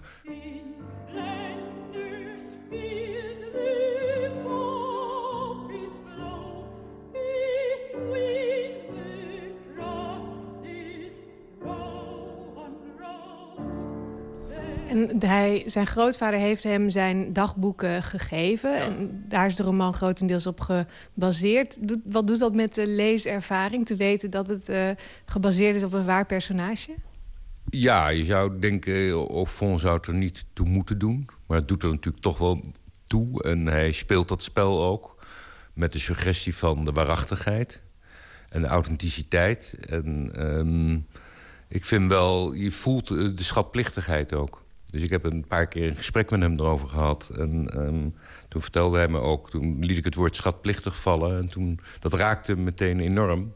Hij, natuurlijk, dat is ook nogal een gebaar van zijn grootvader... om aan een kleinzoon um, die memoires te geven. Daar zit natuurlijk toch een verhulde opdracht in. Uh, je zou het nog anders kunnen zeggen... de doden gaan pas echt dood als ze worden vergeten. En het is natuurlijk de magie van de literatuur en van het schrijverschap dat je een verloren en vergeten leven opnieuw zichtbaar kan maken. En dat doet Stefan Hermans op een prachtige manier, vind ik. Het is ook heel ontroerend zoals hij dat uh, doet... met een soort van toewijding... die, vind ik, gelijke tred houdt bijna... met ook uh, de toewijding waarmee die grootvader 13 jaar lang... na die oorlog al die memoires heeft uh, vastgelegd. Heel precies geobserveerd allemaal. Ook een echt mooie taal. Dus... Um, ik vond het wel... Um, ja, het feit dat daar een soort van opdracht in zit... over de generaties heen, over de grens van leven en dood heen... vond ik eigenlijk heel mooi.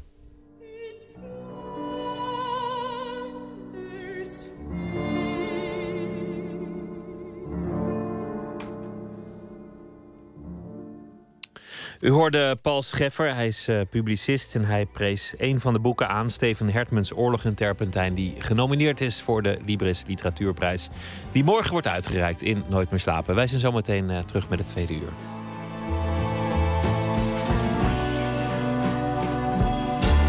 Op Radio 1, het nieuws van alle kanten.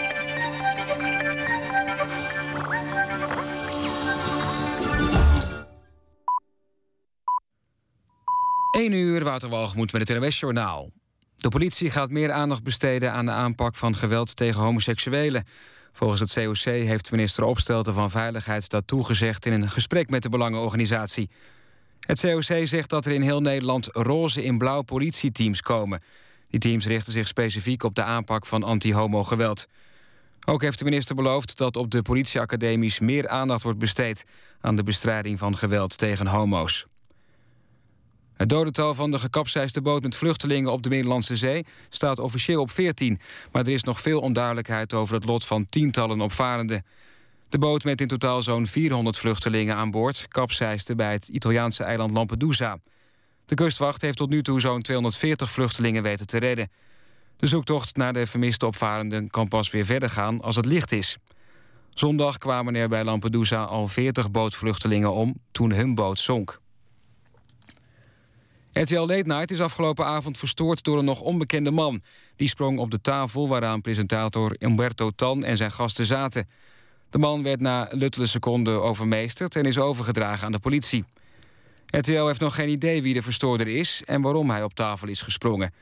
Umberto Tan noemde de man na afloop van het programma op Twitter een soort damschreeuwer en een gekkie. Het Nederlands elftal wordt tijdens het WK vervoerd in een bus met erop de tekst Echte mannen dragen oranje. Fans van alle 32 deelnemende landen konden de afgelopen weken via de website van de Viva stemmen op hun favoriete tekst. En de Wereldvoetbalbond heeft inmiddels voor elk land de winnende slogan bekendgemaakt. Het weer, vooral in het zuiden nog regen vannacht. Op andere plekken zijn er opklaringen en is er ook kans op mist. De temperatuur daalt tot minimaal 5 graden. Overdag in het noorden droog en geregeld zon. In het zuiden bewolkt en buien. Het is dan een graad of 13. Later in de week droger en zonniger. Dit was het NMS Journaal. Radio 1. VPRO. Nooit meer slapen.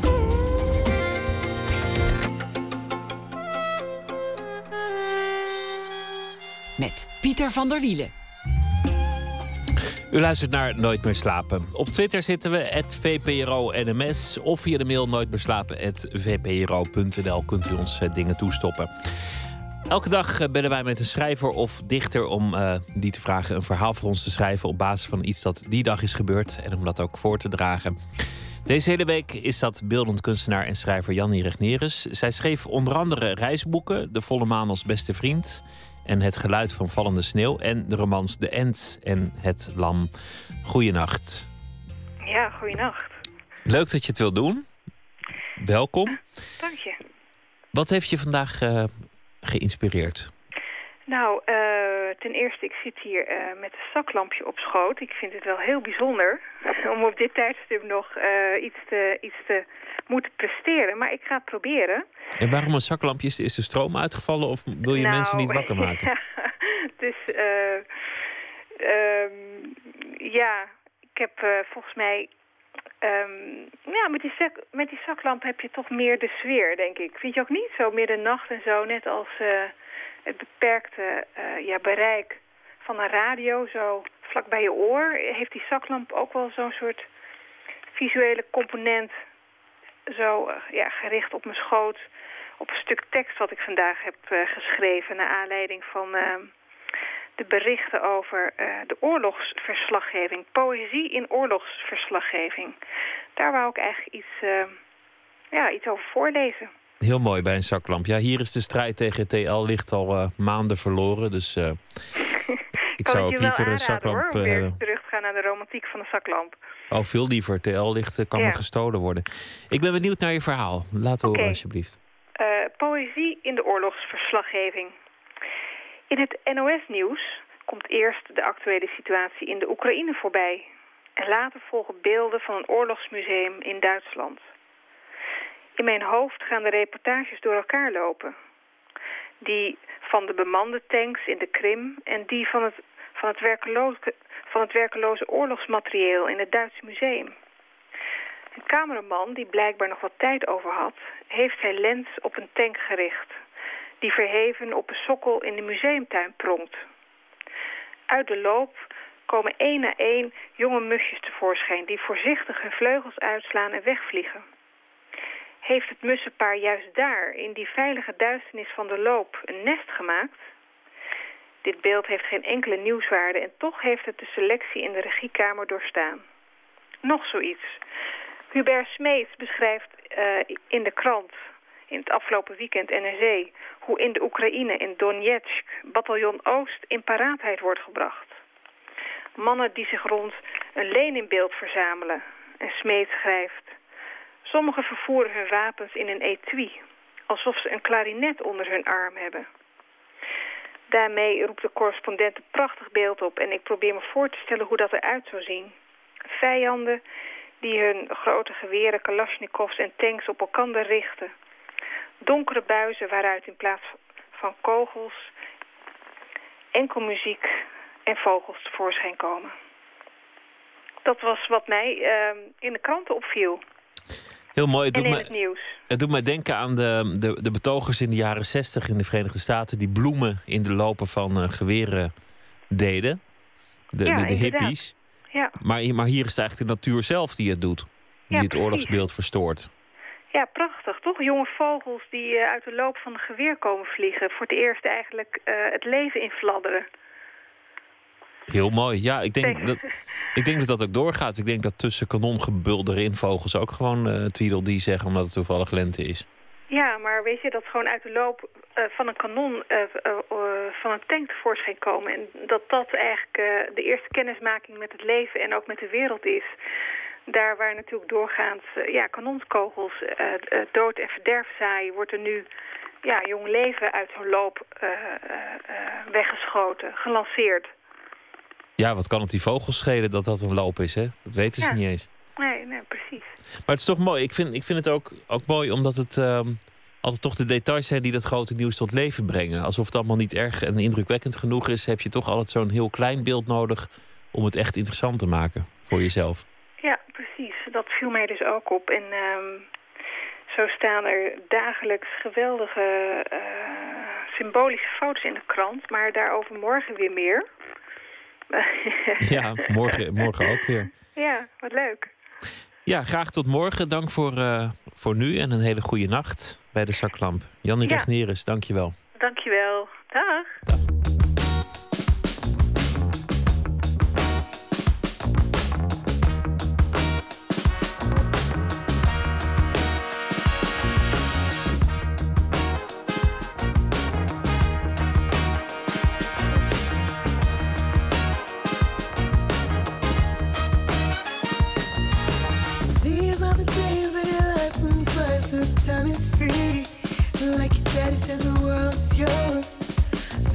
So naturally.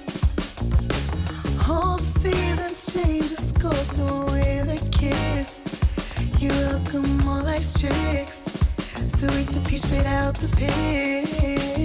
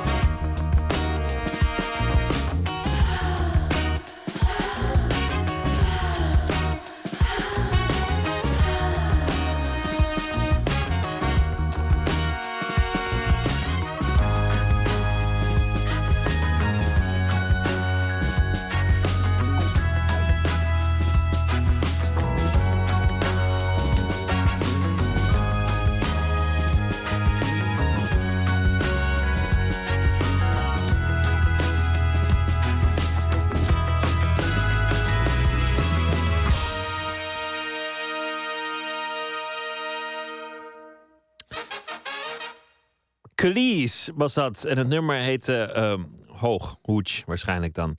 Morgenavond speelt ze in Amsterdam, deze New Yorkse zangeres. En haar eh, nieuwe album heet Food, waar dit eh, nummer ook vandaan kwam.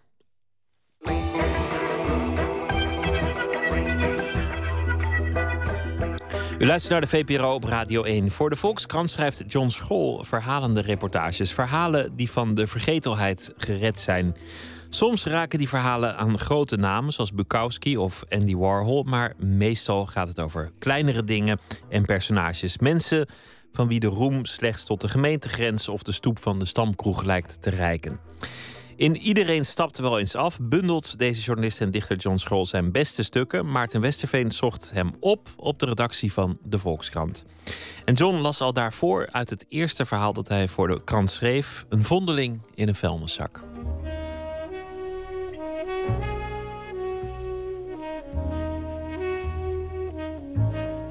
Al zo vaak was hem gezegd met zijn handen uit die containers te blijven. Ook moest hij nou eens ophouden om altijd en overal vuilniszakken open te maken en stukken worst in zijn mond te stoppen. Maar Arie de Snuffelaar, zoals hij werd genoemd, was te oud om wijzer te worden. Op zondag 9 augustus liep hij vanuit het dak- en thuisloze huis de Gaarshof naar Baarle-Nassau, een paar kilometer verderop. Hij stak de N268 over en liep langs het fietspad. Ter hoogte van bushalte van lijn 132 zag hij een zwarte vuilniszak liggen, schuin onder de dennenbomen. Aan de overkant een huifwagenverhuurbedrijf en achter de dennenbomen begon camping Rustoord. Hij maakte de vuilniszak open. Tussen een beige Watsons blouse en een blauwe handdoek Gelegen in een kartonnen doos waaraan de buitenkant het woord suikerwaren te lezen was, lag een naakte baby. Ze maakte geen geluid en haar ogen waren gesloten. Arie sprong op, holde gillend heen en weer op het fietspad. Voorbijgangers zagen hoe een ketwiezelachtige verschijning op blote voeten en met zijn blouse wijd open verdwaasd met zijn armen zwaaide. Dat ik het weer lees. Ik- Ja? Ja. Wat bedoel je ongelooflijk? Nou ja, ik... ik, ik, ik het is, kijk, verhalen die... die eh, het herlezen van je eigen verhalen... dat is niet iets wat, een, wat, wat doorgaans veel gebeurt. Daarom is dit natuurlijk ook fantastisch dat de Van Gennep dit bundelt. Maar dit verhaal, ik zie nu op, ook weer de enorme rijkdom aan feiten. Dat er, zeg maar, ik laat heel weinig eh, eh, over feitelijk voor, eh, voor interpretatie. Maar gelijk weer het volgende stukje, weer het volgende stukje. Met heel veel... De informa de informatiedichtheid is best hoog zonder dat het verstikkend is. Ben- Staat er nog steeds achter? Ja, ja ik zit nog steeds achter. John, we zitten nu op de redactie van je krant. Ehm, heb, jij, heb jij überhaupt iets met, met zo'n met plek, de redactie zelf, hier zijn? Als ik afga, als ik afga op jouw verhalen, dan, dan kan ik me niet voorstellen dat je hier bijzonder veel tijd doorbrengt. Nee, ik kom hier, eh, kom hier niet ontzettend veel. Ehm, ik kom hier eigenlijk vooral om eh, met collega af te spreken. eh, om een verhaal door te nemen. Of gewoon zo nu en dan om enige... om gewoon mezelf te laten zien. Dat is het enige. Wa- Waar staan jouw verhalen? Hoe ver ben je in je verhalen als je hier je, je gezicht laat zien? Nou, dat hangt er vanaf. Kijk, als ik, als ik bezig ben met een verhaal... ik moet het nog afmaken, dan ga ik het hier in een hok afmaken. Maar ik heb dan wel zeg maar, alles al opgedaan. Ik heb alles al opgegraven. En ik, ik kom hier dan heen met een brokstuk om het in elkaar te zetten.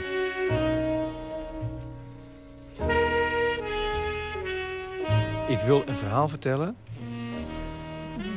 Ik me dat niet zo ooit gesteld. Maar ik, ik wil een verhaal vertellen wat niemand vertelt. Dus ik ben bezig aan een verhaal wat nog niemand heeft verteld. En of het dan gaat om een onthulling, groot nieuws... of een groot, mooi menselijk verhaal, goed opgeschreven... waarvan ik zeker weet dat niemand anders die kan doen. Dat is wat ik wil maken. En soms dan is het... eh, eh, eh, dat, die staan natuurlijk ook in, in, in, in het boek. Iedereen stapt wel eens af. Kan het ook zijn dat je voor het eerst een verhaal maakt over iemand... die wel eens vaker is geïnterviewd, maar dat je het totaal anders doet. Dat je probeert een andere techniek toe te passen... door een andere manier op te schrijven... door een andere invalshoek te kiezen. Ehm, maar elke keer zit daar hetzelfde in. Ik wil het verhaal vertellen. Omdat, ik dat, omdat dat voor mij de journalistiek... he- het ideale transportmiddel is om te kunnen schrijven. Maakt het dat er zoveel nou, tragische en miskende mensen in eh, jouw bundel voorkomen? Ik eh, heb daar een lichte voorkeur voor. Op, ik heb ook weer, ehm, daar ook weer eh, over nagedacht. Ehm, hoe komt het nou eigenlijk dat er mijn fascinatie voor ehm, mensen die het net niet gered hebben. En toen zag ik in mijn boekenkast zag ik daar drie boeken naast elkaar staan. Eh, Lost Heroes van Fred van Doren over vergeten jazzheld uit de jaren 50. Met verhalen over Art Pepper, Chet Baker. Allemaal tragische verhalen. Ik heb een boek, heet Unsung Heroes of, of Rock and Roll. Van Nick uh, Tosjes. En ik heb nog een, een, een Stories of, of eh, punk, psychedelica van een eh, Amerikaanse muziekschrijver. En het gaat elke keer over hetzelfde. Ze redden het allemaal net niet. Nou ja, er zijn die twee boeken van Joris van Kasteren. De Vergeten Dichter, De Vergeten Schrijvers. Ja, ik vind dat zulke fascinerende verhalen. Eh, in, in het boek staat ook een verhaal over de man die de nieuwe Kruif had moeten worden. Sjoerd Ruiter. Ja, is, die, die jongen die had alles in zich om het te worden. En die is het niet geworden. En waar zit het er nou in? Waarom, waarom wordt het grootste talent nooit de grootste voetballer? Waarom wordt de grootste man eh, eh, op schrijfgebied nooit echt de grootste schrijver? Waar, waar zit hem dat in? Nou, dat, is, dat vind ik fascinerend. Ik moet, vind ik, ook oppassen dat het niet een soort stijlvorm wordt. Een schabloon. Dus daar gaan we weer. Opkomst en ondergang. Dat ligt natuurlijk wel heel erg op de loer, hè? Maar daarom vind ik het ook mooi om het niet alleen in de, in de bekende genres te doen. De, de, de helaas vroeg overleden dichter. Of de helaas te vroeg, vroeg overleden auteur. Maar ook in het verhaal natuurlijk met Herma Boom. Hè, de CDA-politica dat ik gereconstrueerd heb. Daar zit dat eigenlijk ook in. Hè. Zij was bijna, werd ze gekozen in de Kamer. Maar ze werd niet gekozen in de Kamer. En een half jaar later is ze vermoord door haar eigen man. Ja, dit is, weet je... De werkelijkheid is altijd krankzinniger. Dat kan je allemaal niet bedenken. Nou. Kijk, ehm, als je een roman schrijft... dan heb je je eigen verbeelding eh, vermengd met geschiedenissen die je overal vandaan hebt gehaald. Maar in een, een- in een recensie van een roman kan altijd nog komen te staan dat het ongeloofwaardig is. Dat kan in een journalistiek verhaal bijna nooit staan, omdat mensen weten dat het in de krant staat en dat ik de feiten allemaal gecheckt heb. Dus ze weten dat het verhaal moet kloppen. En dat is toch wonderlijk, want in een roman, als je iets laat gebeuren wat krankzinnig is, of iets zoals wat Kafka heeft gedaan, dat er opeens een, een, een kever eh, levensgroot wordt, dan moet je dus heel geloofwaardig opschrijven, ook al is het gek. En in de journalistiek kan je in principe, als het echt zo is, kan je het alles opschrijven. En dat is een wonderlijk fenomeen. Voel je je verantwoordelijk voor het verhaal? Natuurlijk. Kijk, het openingsverhaal, iedereen stapt wel eens af. Dat verhaal kan ik natuurlijk alleen maar maken met behulp van... Of kon ik toen de tijd alleen maken met behulp van Arie zelf, Arie van Wetten, de man die is afgestapt. En met zijn kinderen. Dus die hebben het verhaal achteraf ook gelezen. Dus die, die kijk, ik creëer de geschiedenis, maar zij zien voor de publicatie wat ik van die geschiedenis heb gemaakt. Als zij zeggen dat het niet klopt, En het gaat niet over quotes, of over, maar het gaat natuurlijk over jaartallen en over de volgorde der dingen. Dus ik bepaal wel enigszins door mijn, door mijn, door mijn invalshoek waar we naartoe gaan. En uh, Arie Elshout, uh, uh, onze chef, onze, onze man in Amerika, die zei ooit... Je, bij, bij, aan jouw verhalen kan je vaak zien dat je je van tevoren alvast voorstelde. Dus jouw verbeelding helpt jou, helpt jou vooruit om de feiten te vinden. Nou, dat is natuurlijk wel een enorm compliment. Ook levensgevaarlijk. En hij zegt ja, maar dat is levensgevaarlijk. Maar tegelijkertijd weet hij dat, dat ik het altijd binnen een lijntje hou. Maar het is natuurlijk wel zo dat je moet je kunnen voorstellen hoe iets is gebeurd... voordat je gaat zoeken naar hoe het is gebeurd. Ik vind dat wel een hele mooie, dat vind ik een hele mooie afweging. Ik bij Ari was het gewoon zo, ik wilde weten... wat is er nou, die man die heeft zijn hele leven... hij is inmiddels overleden... zijn hele leven heeft hij Ari Afstap geheten in Hillegom. Hij was cafébaas, hij, en hij is in, afgestapt in de tweede etappe van de Tour de France in 1957. En 50 jaar lang heette deze man, tot zijn eigen ongenoegen, Arie Afstap. En zelfs zijn kinderen werden erbij betrokken. Want zij waren er eentje van afstap. Het is natuurlijk van een ongekende tragiek. Maar Arie, waar ben je dan afgestapt? En daar ben ik met Arie over gaan praten. Over alles, over dat ene moment. Waar het is gebeurd, hoe het is gebeurd en wat het heeft betekend. En tegelijkertijd heb ik daar in dat verhaal ook het verhaal willen vertellen. Ehm, zeg maar dat het een soort dorpsgeschiedenis was van Hillegom, waar zijn café was.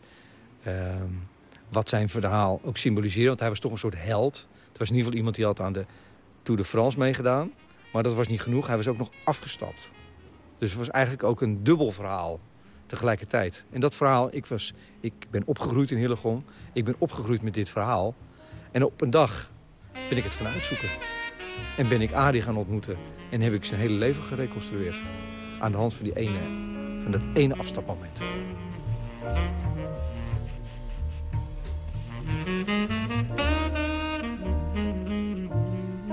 Weken na zijn vondst van het dode meisje was Arie nog van slag. Hij liep huilend door de gangen van de Gaarshof. Vol verdriet stortte hij zich in de handen van de groepsleiding, klampte medebewoners aan. Er moest zelfs een arts aan te pas komen. Iedereen moest weten dat Ari op het verkeerde moment in de verkeerde vuilniszak had gekeken. Hij zou het nooit meer doen. Hoewel hij vrij snel daarna alweer kruipend in een vuilcontainer werd aangetroffen. Zijn laatste theorie over de gebeurtenis luidde dat het eigenlijk zijn kind was. Het was het kind van Ari en Gabi, zijn fantasievriendin, vertelde hij iedereen. En daarom was hij zo verdrietig. Het is wel eigenlijk. Ik, staat hier een zin in. Kijk, het, het boek heet Iedereen stapt wel eens af. En dat gaat eigenlijk over het tragische moment... van dat iedereen in zijn leven wel eens momenten kent... dat hij afstapt. En Ari is afgestapt in 1957, in de tweede etappe van de Tour. En hier staat in een totaal ander verhaal staat een zin die eigenlijk ook heel erg past bij het openingsverhaal. Namelijk de zin: Iedereen moest weten dat Ari op het verkeerde moment in de verkeerde vuilniszak had gekeken. Er staat eigenlijk het hele thema van het hele boek staat eigenlijk in één zin verwoord. Is dat, uh, is dat jouw respect voor het noodlot? Het is respect voor het noodlot, ja. En over het enorme toeval uh, der dingen.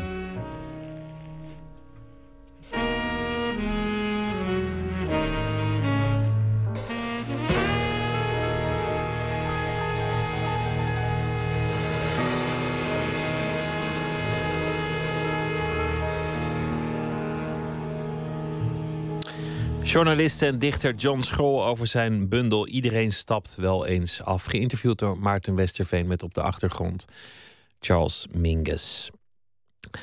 Radio Salone, zo heet de derde studioplaats van Sierra Leone's Refugee All-Stars. Een groep uit Sierra Leone die zich als ervaringsdeskundigen en muzikanten inzetten voor betere mensenrechten. Het nummer dat we draaien heet It's So Sorry. Funny man for live, but he live in positive way, cause the guy they run blind. Hey, but save them. Brother man this time. Use the brain, make the body no suffer. Where you deny the right move. Take your time, make delay no defeat you. Cause when the chance they come and pass go, you no get no one for blame.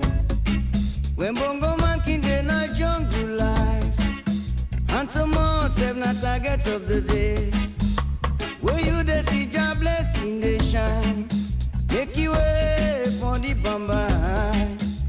Nobody no go do one for you. You get your under myself, get your loaded. So if you want for big up, me brother, you get for polish before he shine. Get this, me man, he's so sorry. When bongo man king they suck your level, in a good fussy, we life the dread. He's so sorry. When bongo man king they suck your level, in a good fussy, no. We life the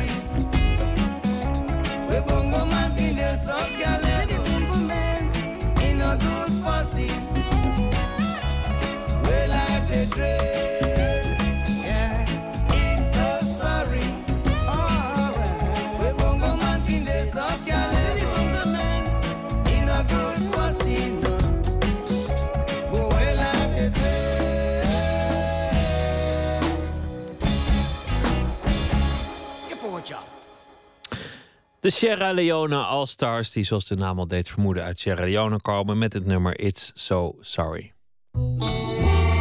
Nooit meer slapen.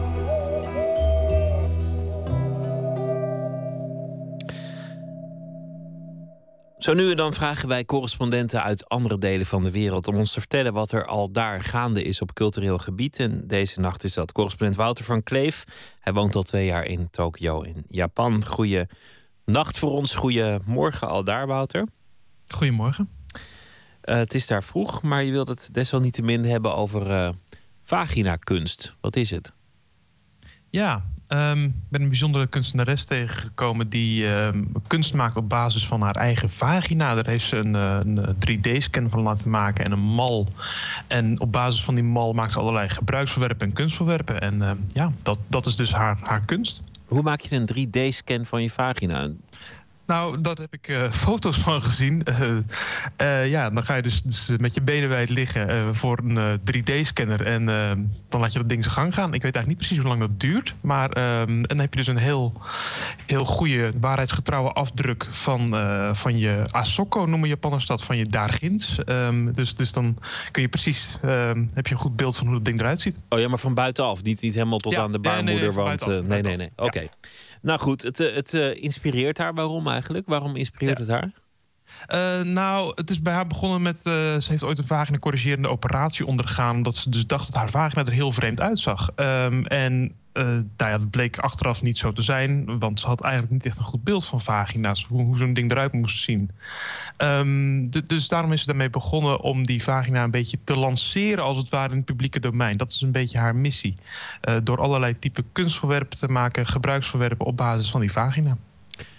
Dat is ook opmerkelijk dat dan niet de dokter zegt... nou, volgens mij, ik zie er zo'n 100 per dag... valt het allemaal wel mee, hoe absurd die is. Eh, Hier kijk eens wat plaatjes. Als ze zich die operatie had kunnen besparen.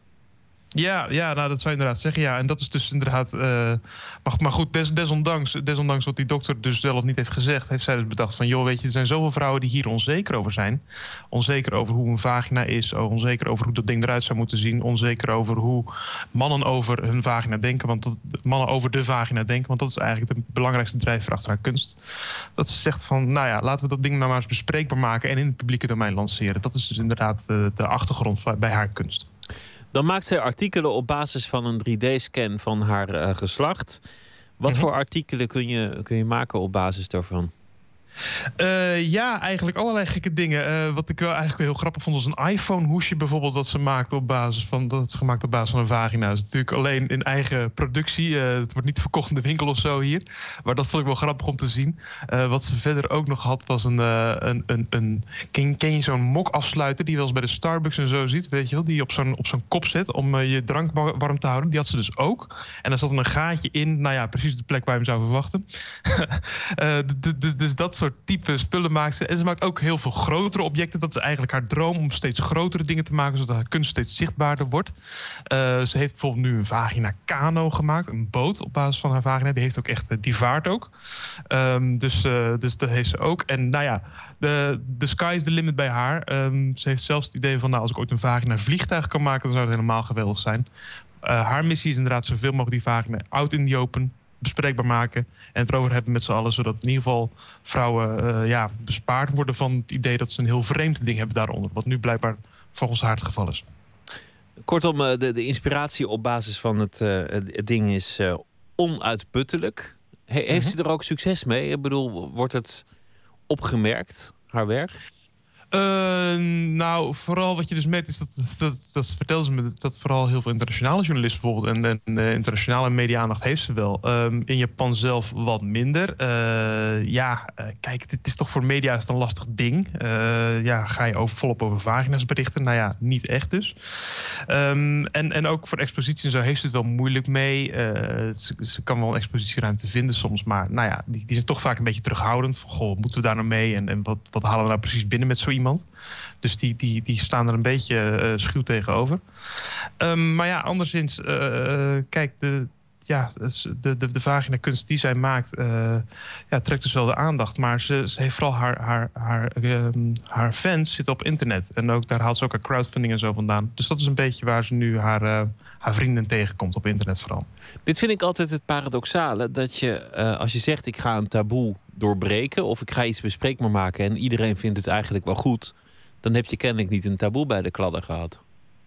Nou ja, dus niet iedereen vindt het goed. Eh, zij heeft dus moeite te- om bijvoorbeeld media-aandacht in Japan te vinden. Zij heeft bijvoorbeeld moeite om hier expositieruimtes te vinden. Dus niet iedereen vindt dat goed. Eh, het Maar er is ook- dat zij er ook niet- vindt. Ze werken er niet aan mee, ze geven het niet een podium... maar is het, is het ook zo dat het choqueert? Dat, het mensen eh afschuw Nou, geeft. Blijkbaar, omdat dus heel veel mensen toch zoiets hebben van... van goh, die, die, die kunst of die, die vagina... om die nou zo het publieke ruimte in te slingeren... dat is ook wel heel wat. Dat is eigenlijk misschien een stapje te ver. En dat, dat is dus precies wat zij juist wel wil. Dus, dus ik denk wel dat ze wel een taboe bij de horens heeft, inderdaad. Ze richt zich op mannen. Ja. Haar publiek, zijn dat mannen of vrouwen? Haar publiek zijn, eh, ik denk dat haar fans, voor zover ze die heeft, zijn dat vooral vrouwen. Ehm, feit is echter dat, dat zij vindt dat de mannen een, een soort juk, een soort, een, soort, een soort beeld van de ideale vagina opdringen. Waar er heel veel vrouwen dus onzeker zijn. Heel veel vrouwen niet precies weten wat ze, wa- waar ze aan toe zijn. Niet precies weten wat er van hen verwacht wordt qua vagina. Wat vreemd is en wat niet vreemd is. En zij zegt dus, de mannen zijn het dominante, dominante geslacht in die zin ook. Ehm, dus dus dat, dat mannelijke seksuele juk... eh, over ook de vrouwen, dat wil ze echt eh omverwerpen. Dat is eigenlijk, ze is, ze is diep van binnen ontzettende feministe... terwijl er hier even een aardbeving is. Dat is toch ook opmerkelijk? Echt heel Japans. Eh, ja, dat was best, best forse aardbeving eventjes. Goed. J- ehm, jij had nu een aardbeving, want wij ja, hadden hier. Jij, had het over vagina-kunst. Wij hoorden ja, best wel een kutpiep eigenlijk. En, en jij was, in, intussen had je ook nog een aardbeving aan de hand. ja, het was hier een aardbeving. Ik denk dat dat ook wel de reden was voor die piep die je zei. Ja. Ja. Nou, maar het is rustig nu? Het is nu weer rustig. Ja hoor, nee dat heb jij Goh. al eventjes in Japan. Eventjes een, eh, een schokje. Dat, ja, nee, en da- daar is die piep weer. Maar het, de, de nonchalance waarmee je even een, een aardbeving eh, noemt, dat heb ik nog nooit meegemaakt. Ik, ik moet het je bekennen. Nou ja, ach, vooral als een eerste keer. Maar in Japan zijn we op zich wel redelijk gewend aan af en toe een aardbeving. En dit was er even eentje. Ja. Dankjewel voor je verslag over eh Rokude Nashiko. Ik zeg het helemaal verkeerd. Nashiko. Rokude Nashiko is haar eh, naam. Ja, dat is haar naam. En misschien moet ik er even bij zeggen dat het betekent iets als bastardkind of eh, niks nut. Dat betekent het eigenlijk een beetje. En nou ja, dat is blijkbaar hoe zij zich voelde in eh, den beginnen, toen ze hiermee begon. Een, een artiestennaam. Een artiestennaam, ja. Wouter Kleef vanuit Tokio. Goeie nacht, goeie dag al daar. En nou, ja, succes met de aardbevingen. Gaat wel goed komen. Dankjewel. We gaan eh, luisteren naar muziek van The Triffids. Bury Me Deep in Love.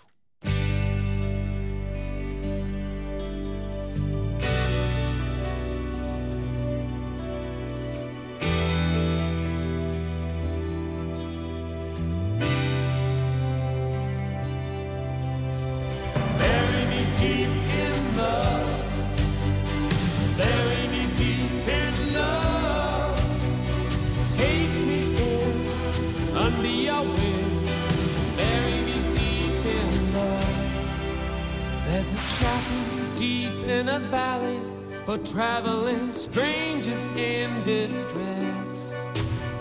It's nestled among the ghosts of the pines under the shadow of a precipice. When a lonesome coming figure slips and loses grip, it tumbles into a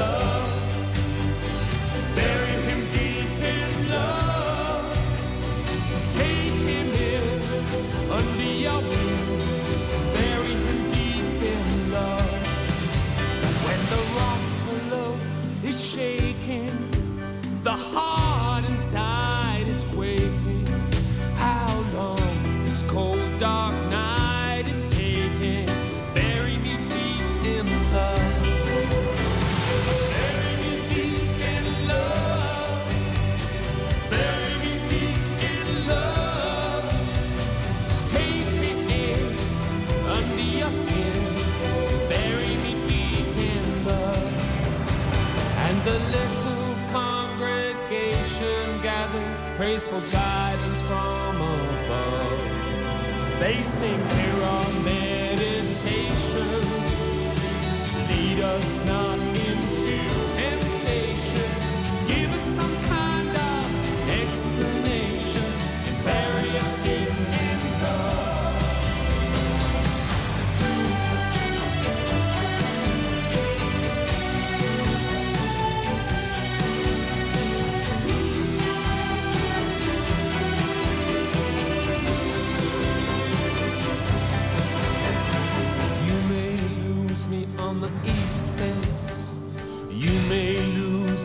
the west. I may be covered over in the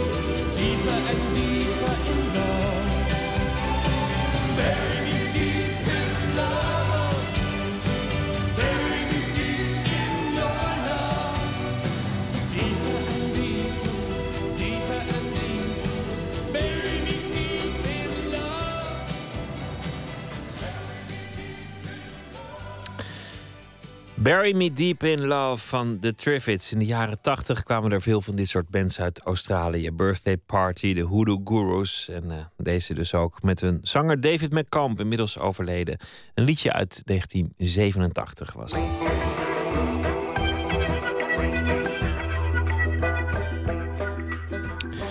U luistert naar Nooit meer slapen op Radio 1. De zeedijk tussen Kamperduin en Petten verdwijnt binnenkort onder het zand. De historische dijk is niet sterk genoeg en daarom moeten er duinen voor in de plaats komen. Die verandering inspireerde Theaterfestival Caravaan om juist op die plek een voorstelling te maken. Een drive-in voorstelling is het geworden. We stuurden onze verslaggever Botte Jellema naar Petten en daar ontmoette hij aan de stamtafel van het festival Zeedijk-liefhebber Willem Meshaert. Dames en heren, mag ik even aanvangen? De voorstelling gaat zo dadelijk Ik wil jullie graag allemaal verzoeken om naar jullie auto te gaan. Heel veel plezier.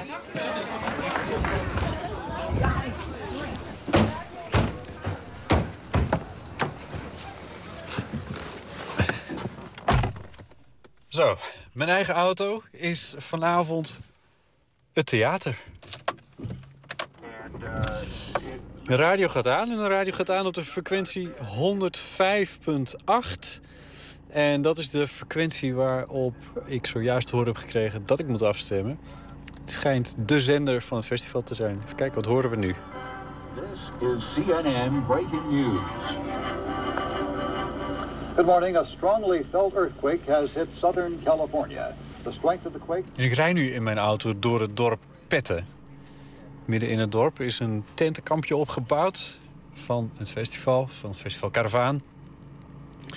En eigenlijk sta ik nu in de file in het dorp Petten richting de Zeedijk. Eh, die kant gaan we oprijden in een kolonne met mensen die de voorstelling gaan bezoeken. De dijk in. Ik ben heel benieuwd. Eh, op de Honsebosse Zeewering. Zo heet hij officieel, hè? Willem Messa? Ja, zo heet deze voorstelling eh, officieel, dat klopt. Ja, maar de Hondbosse Zeewering, dat is ook de dijk, dat, hè? Dat is ook de dijk, ja. Dat is een, een- een, prachtige naam. Ja. Ja, het is, eh, het is eigenlijk een opmerkelijk stukje zeewering... omdat het Noord-Holland over het algemeen eh, duinen zijn. Ja. Maar tussen Petten en Schorrel zo ongeveer... Ja, ze lagen Groet? er wel. Groet is het nou, het is Kamperduin, Kamperduin en Petten. Ze lagen er wel. Hè. Er was zelfs eh, een kilometer meer kust. Met, een duin, met duinenrijen. Ja.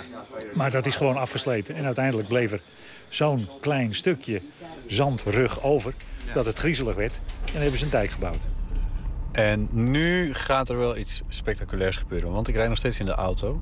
In kolonne rijden we nu de dijk op.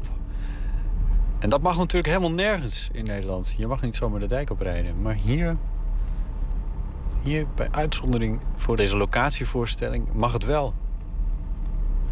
Nou ja, kijk, dat slijten van de zandkust gaat gewoon door. Dus, eh, eh, en die, eh, die, die stenen dijk, die is keihard. Die gaat niet achteruit. Die blijft stil liggen. We zijn eigenlijk een land dat kleiner wordt. Ja, maar daar zijn we dan wel heel erg goed in. Dus eh, dan hebben we van die hele grote boten die nu za- dat zand allemaal weer terug aan het halen Precies, zijn. ja, die, die, dat, dat soort gedoe. Eigenlijk eh, eh, eh, gaan we terug naar de situatie van zo'n duizend jaar geleden. We willen onze kust weer terug, zou je kunnen zeggen. En vroeger ging dat niet, want dan ging het met de spa. Hè, dus de logistiek was een enorm probleem. Kruiwagen, daarna een paard. Maar we hebben nu sleephopperzuigers. Worden, dat nou duinen straks? Dat... Ja, dat wordt een, een duinenkust. De, eh, ze hebben hier gekozen niet alleen voor de waterveiligheid. Hè, dus daar heb je zand nodig voor die dijk. Eigenlijk de verondieping tegengaan, aanvullen. Eh, aansluiten bij die noordelijke en zuidelijke eh, aansluitingen van in die duinkust. Maar ze hebben ook gekozen dat, daar, eh, dat te combineren met het maken van natuur. Dus om die hele duinkust weer aan te helen. Ja. En nu ben ik boven op de zeedijk aangekomen. En ik zie de zee. Grote witte schuimkoppen, want het waait heel hard vandaag. Ja, hier ben ik nog nooit met de auto geweest. Dit is wel bijzonder. En we rijden over de dijk naar de andere kant. Maar dit kan dus wel eens een van de laatste keren zijn dat ik deze dijk als zodanig. Heb je, hem al eens, heb je hem al eens eerder gezien? Ik heb hem een keer eerder gezien. Oh, dat is Ja, prachtig. ja, Nou, daarbij een enorme bof komt. Want dat- dat- nee, maar je ziet hem dus nu. En dat vind ik zelf het spannende aan dit moment. Strakjes ligt er een heel pak zand voor. Ja, precies. Ongelooflijk, het is bijna goochelen. U weet van de hoed en de rand, want u eh, eh, eh, heeft heel lang voor de, voor de waterkering gewerkt. Ja. Dijkgraaf vind ik niet helemaal... Nee, dat mag je niet helemaal zeggen, maar om te plagen wel. Maar nee, ik heb altijd in de communicatie gewerkt, een jaar of dertig voor... Maar dijkgraaf bestaat het straks nog, daar dan? Ja, is dat een woord? dan, dan, dan wordt het misschien wel een duingraaf. Nee, het is net als burgemeester. Dat blijft ook. Zo is de baas van een waterschap ook. Blijft een dijkgraaf. Ja. Het is, een, het is een stuk van, van 5 kilometer? Zo Het is een stuk van 5,5 kilometer. Samen met de Pettemerzeewering die er later aan is geplakt. Ja. En vol verhalen, vertelt u. Vol verhalen, ja. Want die dijk is vanaf eh, 1850 ongeveer in steen gerealiseerd. Maar ja, daarvoor lag die kust er ook al. Ja, en daar zijn zoveel verhalen over te vertellen... dat je, dat je in die 12 minuten die we nu ter beschikking hebben... dat redden we nooit van zijn leven. Nee, die dijk. En dat komt omdat daar altijd mensen aan gewerkt hebben. Door al de eeuwen heen. En daarom zit dat stuk kust vol verhalen. En achter de dijk rijden we richting de plek waar de voorstelling gaat worden gespeeld. En om u even te bewijzen dat het echt zo is dat we langs de dijk rijden... zal ik even het raam naar beneden doen. Dat is de zee. Zo zitten we eh, in een tentje. Het begint een beetje te regenen. eh, met een grote tafel voor ons. Vol met dit soort verhalen. Ilse van Dijk, u bent festivaldirecteur van Caravaan. En de, de, de- zoals, zoals Willem die kan vertellen. Dat soort verhalen. Ja, en Willem is natuurlijk een hele goede verteller. We hebben hier regelmatig allerlei mensen aan tafel... die eh, ook weer vanuit een ander perspectief eh, een verhaal vertellen. Caravaan heeft ervoor gekozen om eh, op plekken te gaan spelen... waar iets beweegt, waar iets in transitie is. Waarvan we zeggen, dit verhaal moet nu verteld worden... want straks kan het niet meer. Dat is hier hetzelfde, hè? Met deze voorstelling nemen we eigenlijk afscheid van deze dijk. Want over een paar maanden ga je hem niet meer zien. Nee. En nu zie je hem op een hele bijzondere manier. En ook op een manier die je normaaliter nooit mag. Je mag natuurlijk niet met je auto over de dijk rijden... en dan zo even langs het water. Dat mag natuurlijk niet. En voor deze voorstelling mag dat wel. Dat is natuurlijk al heel bijzonder. En dat doe je vooral ook niet als het donker wordt natuurlijk. Want dan wordt het al helemaal spannend. We zijn inmiddels op de plek aangekomen waar de theatervoorstelling gaat worden gespeeld. En we moeten de auto parkeren en kunnen hem uitzetten. Wel op de handrem, want ik sta met de kont naar de zee. Trek de handrem nog maar even een keertje extra aan. We willen echt niet naar achteren rollen. Kijk uit door mijn voorraam op de dijk.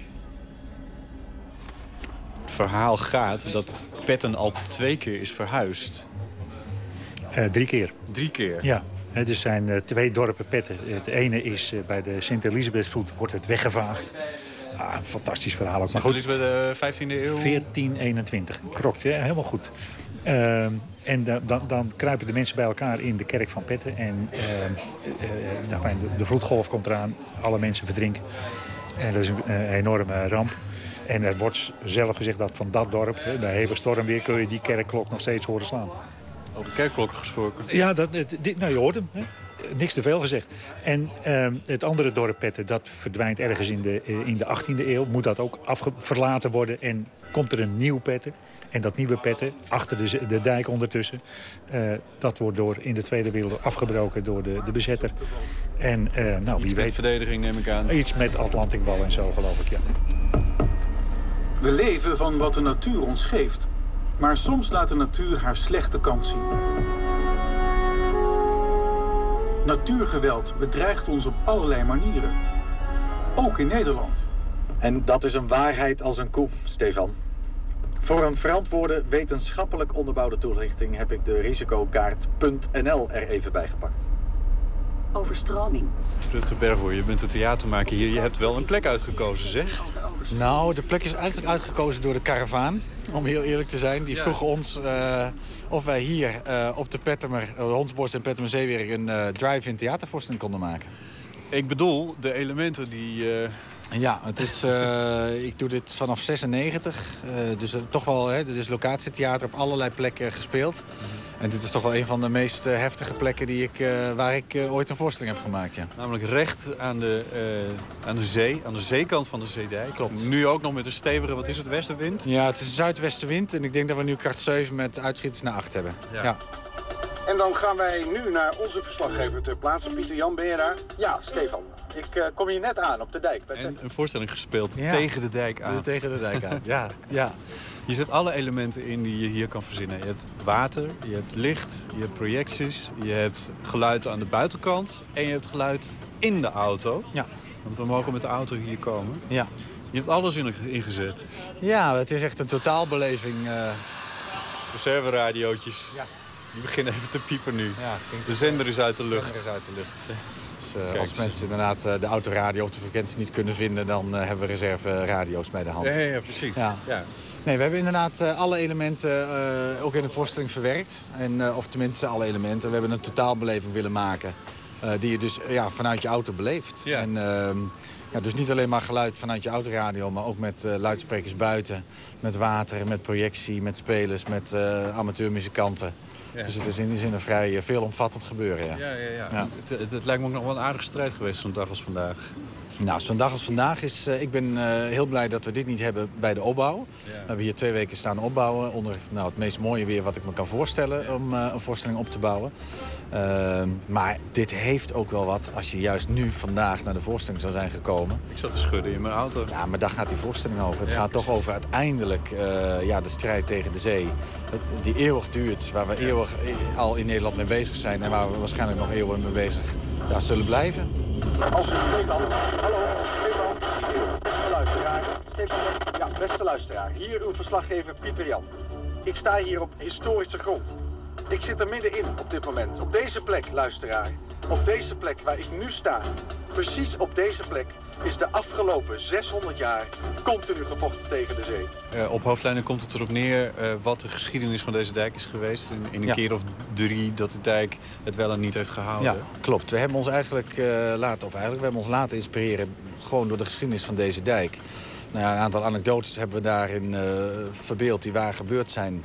Eh, zoals onder de- er is ooit eens een keer een dijk gebouwd eh, van biertonnen. Hè. Er werden biertonnen in die dijk, eh, want dat vulde lekker snel op. Dus die aannemer dacht, dan ben ik mooi snel klaar. Ja, ja, ja. Maar ja, dat hield natuurlijk geen stand. Op een gegeven moment hadden ze een mooie dijk en ehm, die was vrij stevig. En toen kwam er eh, eh, landen hier, precies op deze plek, eh, 32.000 Engelse soldaten. Een invasieleger. En die groeven ze schuttingsputjes en loopgraven in die dijk. Dus ja, toen konden ze weer opnieuw. eh, dus de mooiste verhalen liggen altijd gewoon op straat. Je hoeft niet zoveel te verzinnen als maar. Nee, want- ja. Maar uiteindelijk zit er natuurlijk één grote lijn in. Dat men dus steeds een dijk bouwt waarvan men op dat moment denkt... dat is de mooiste dijk van de wereld. Dan komt die wordt ook feestelijk geopend. Dat was ook altijd zo. Ja, ja, ja. Nou, ongetwijfeld ze zijn nu bezig met die hele zandsuppletie. Dat zal ook feestelijk geopend worden. Waarschijnlijk met een orkest of een muziek of een beentje. Ja, de- je kan nu op een briefje geven dat over of 50 zullen ze weer opnieuw moeten beginnen. Dan, want dan is het gewoon weer tijd voor een volgende. Ja, dat is toch een beetje het verhaal van Nederland.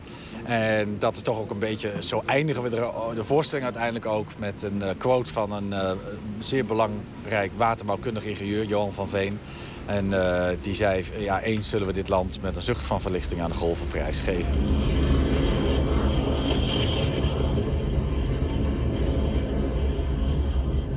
Zij zijn dus bezig nu de, eh, om eh, allemaal zand op te spuiten... en om voor deze dijk en onder deze dijk te begraven eigenlijk onder een enorme laag zand. Ja. En dat is de nieuwe aanpak om de strijd tegen de zee eh, aan te gaan. Dus niet om een harde dijk, maar juist om, het, om mee te bewegen met het water. En om daar dus juist een hele zachte eh, kering van te maken. Zeg maar. Dus allemaal zand ervoor te gooien. Ja, en ja, straks wordt het dus één grote zandvlakte... en kun je hier dus met je auto niet meer rijden. Dus wat dat betreft een dubbel unieke ervaring. Ja. Luisteraars, dit was Radio Zeewering. Wel thuis. Radio Zeewering, de tijdelijke zender bij de voorstelling Dijk in, zoals die tot eind deze week wordt gespeeld op de Zeedijk bij Petten. Theaterfestival Caravan trekt tot 9 juni door Noord-Holland met zes verschillende locatievoorstellingen. Er is een hele generatie mensen die dol zijn op Kate Bush. En daarna kwam er een generatie met hun eigen Kate Bush. Maar die heette dan ineens Tori Amos. Dochter van een methodisten-dominee uit het zuiden van de VS met Indiaans bloed. Ze debuteerde in 1992 en komt sindsdien zo elke twee jaar met een nieuw album. Eind mei treedt ze op in een uitverkocht concertgebouw in Amsterdam en in de Doelen in Rotterdam. We gaan luisteren naar Tori Amos met Trouble Lament.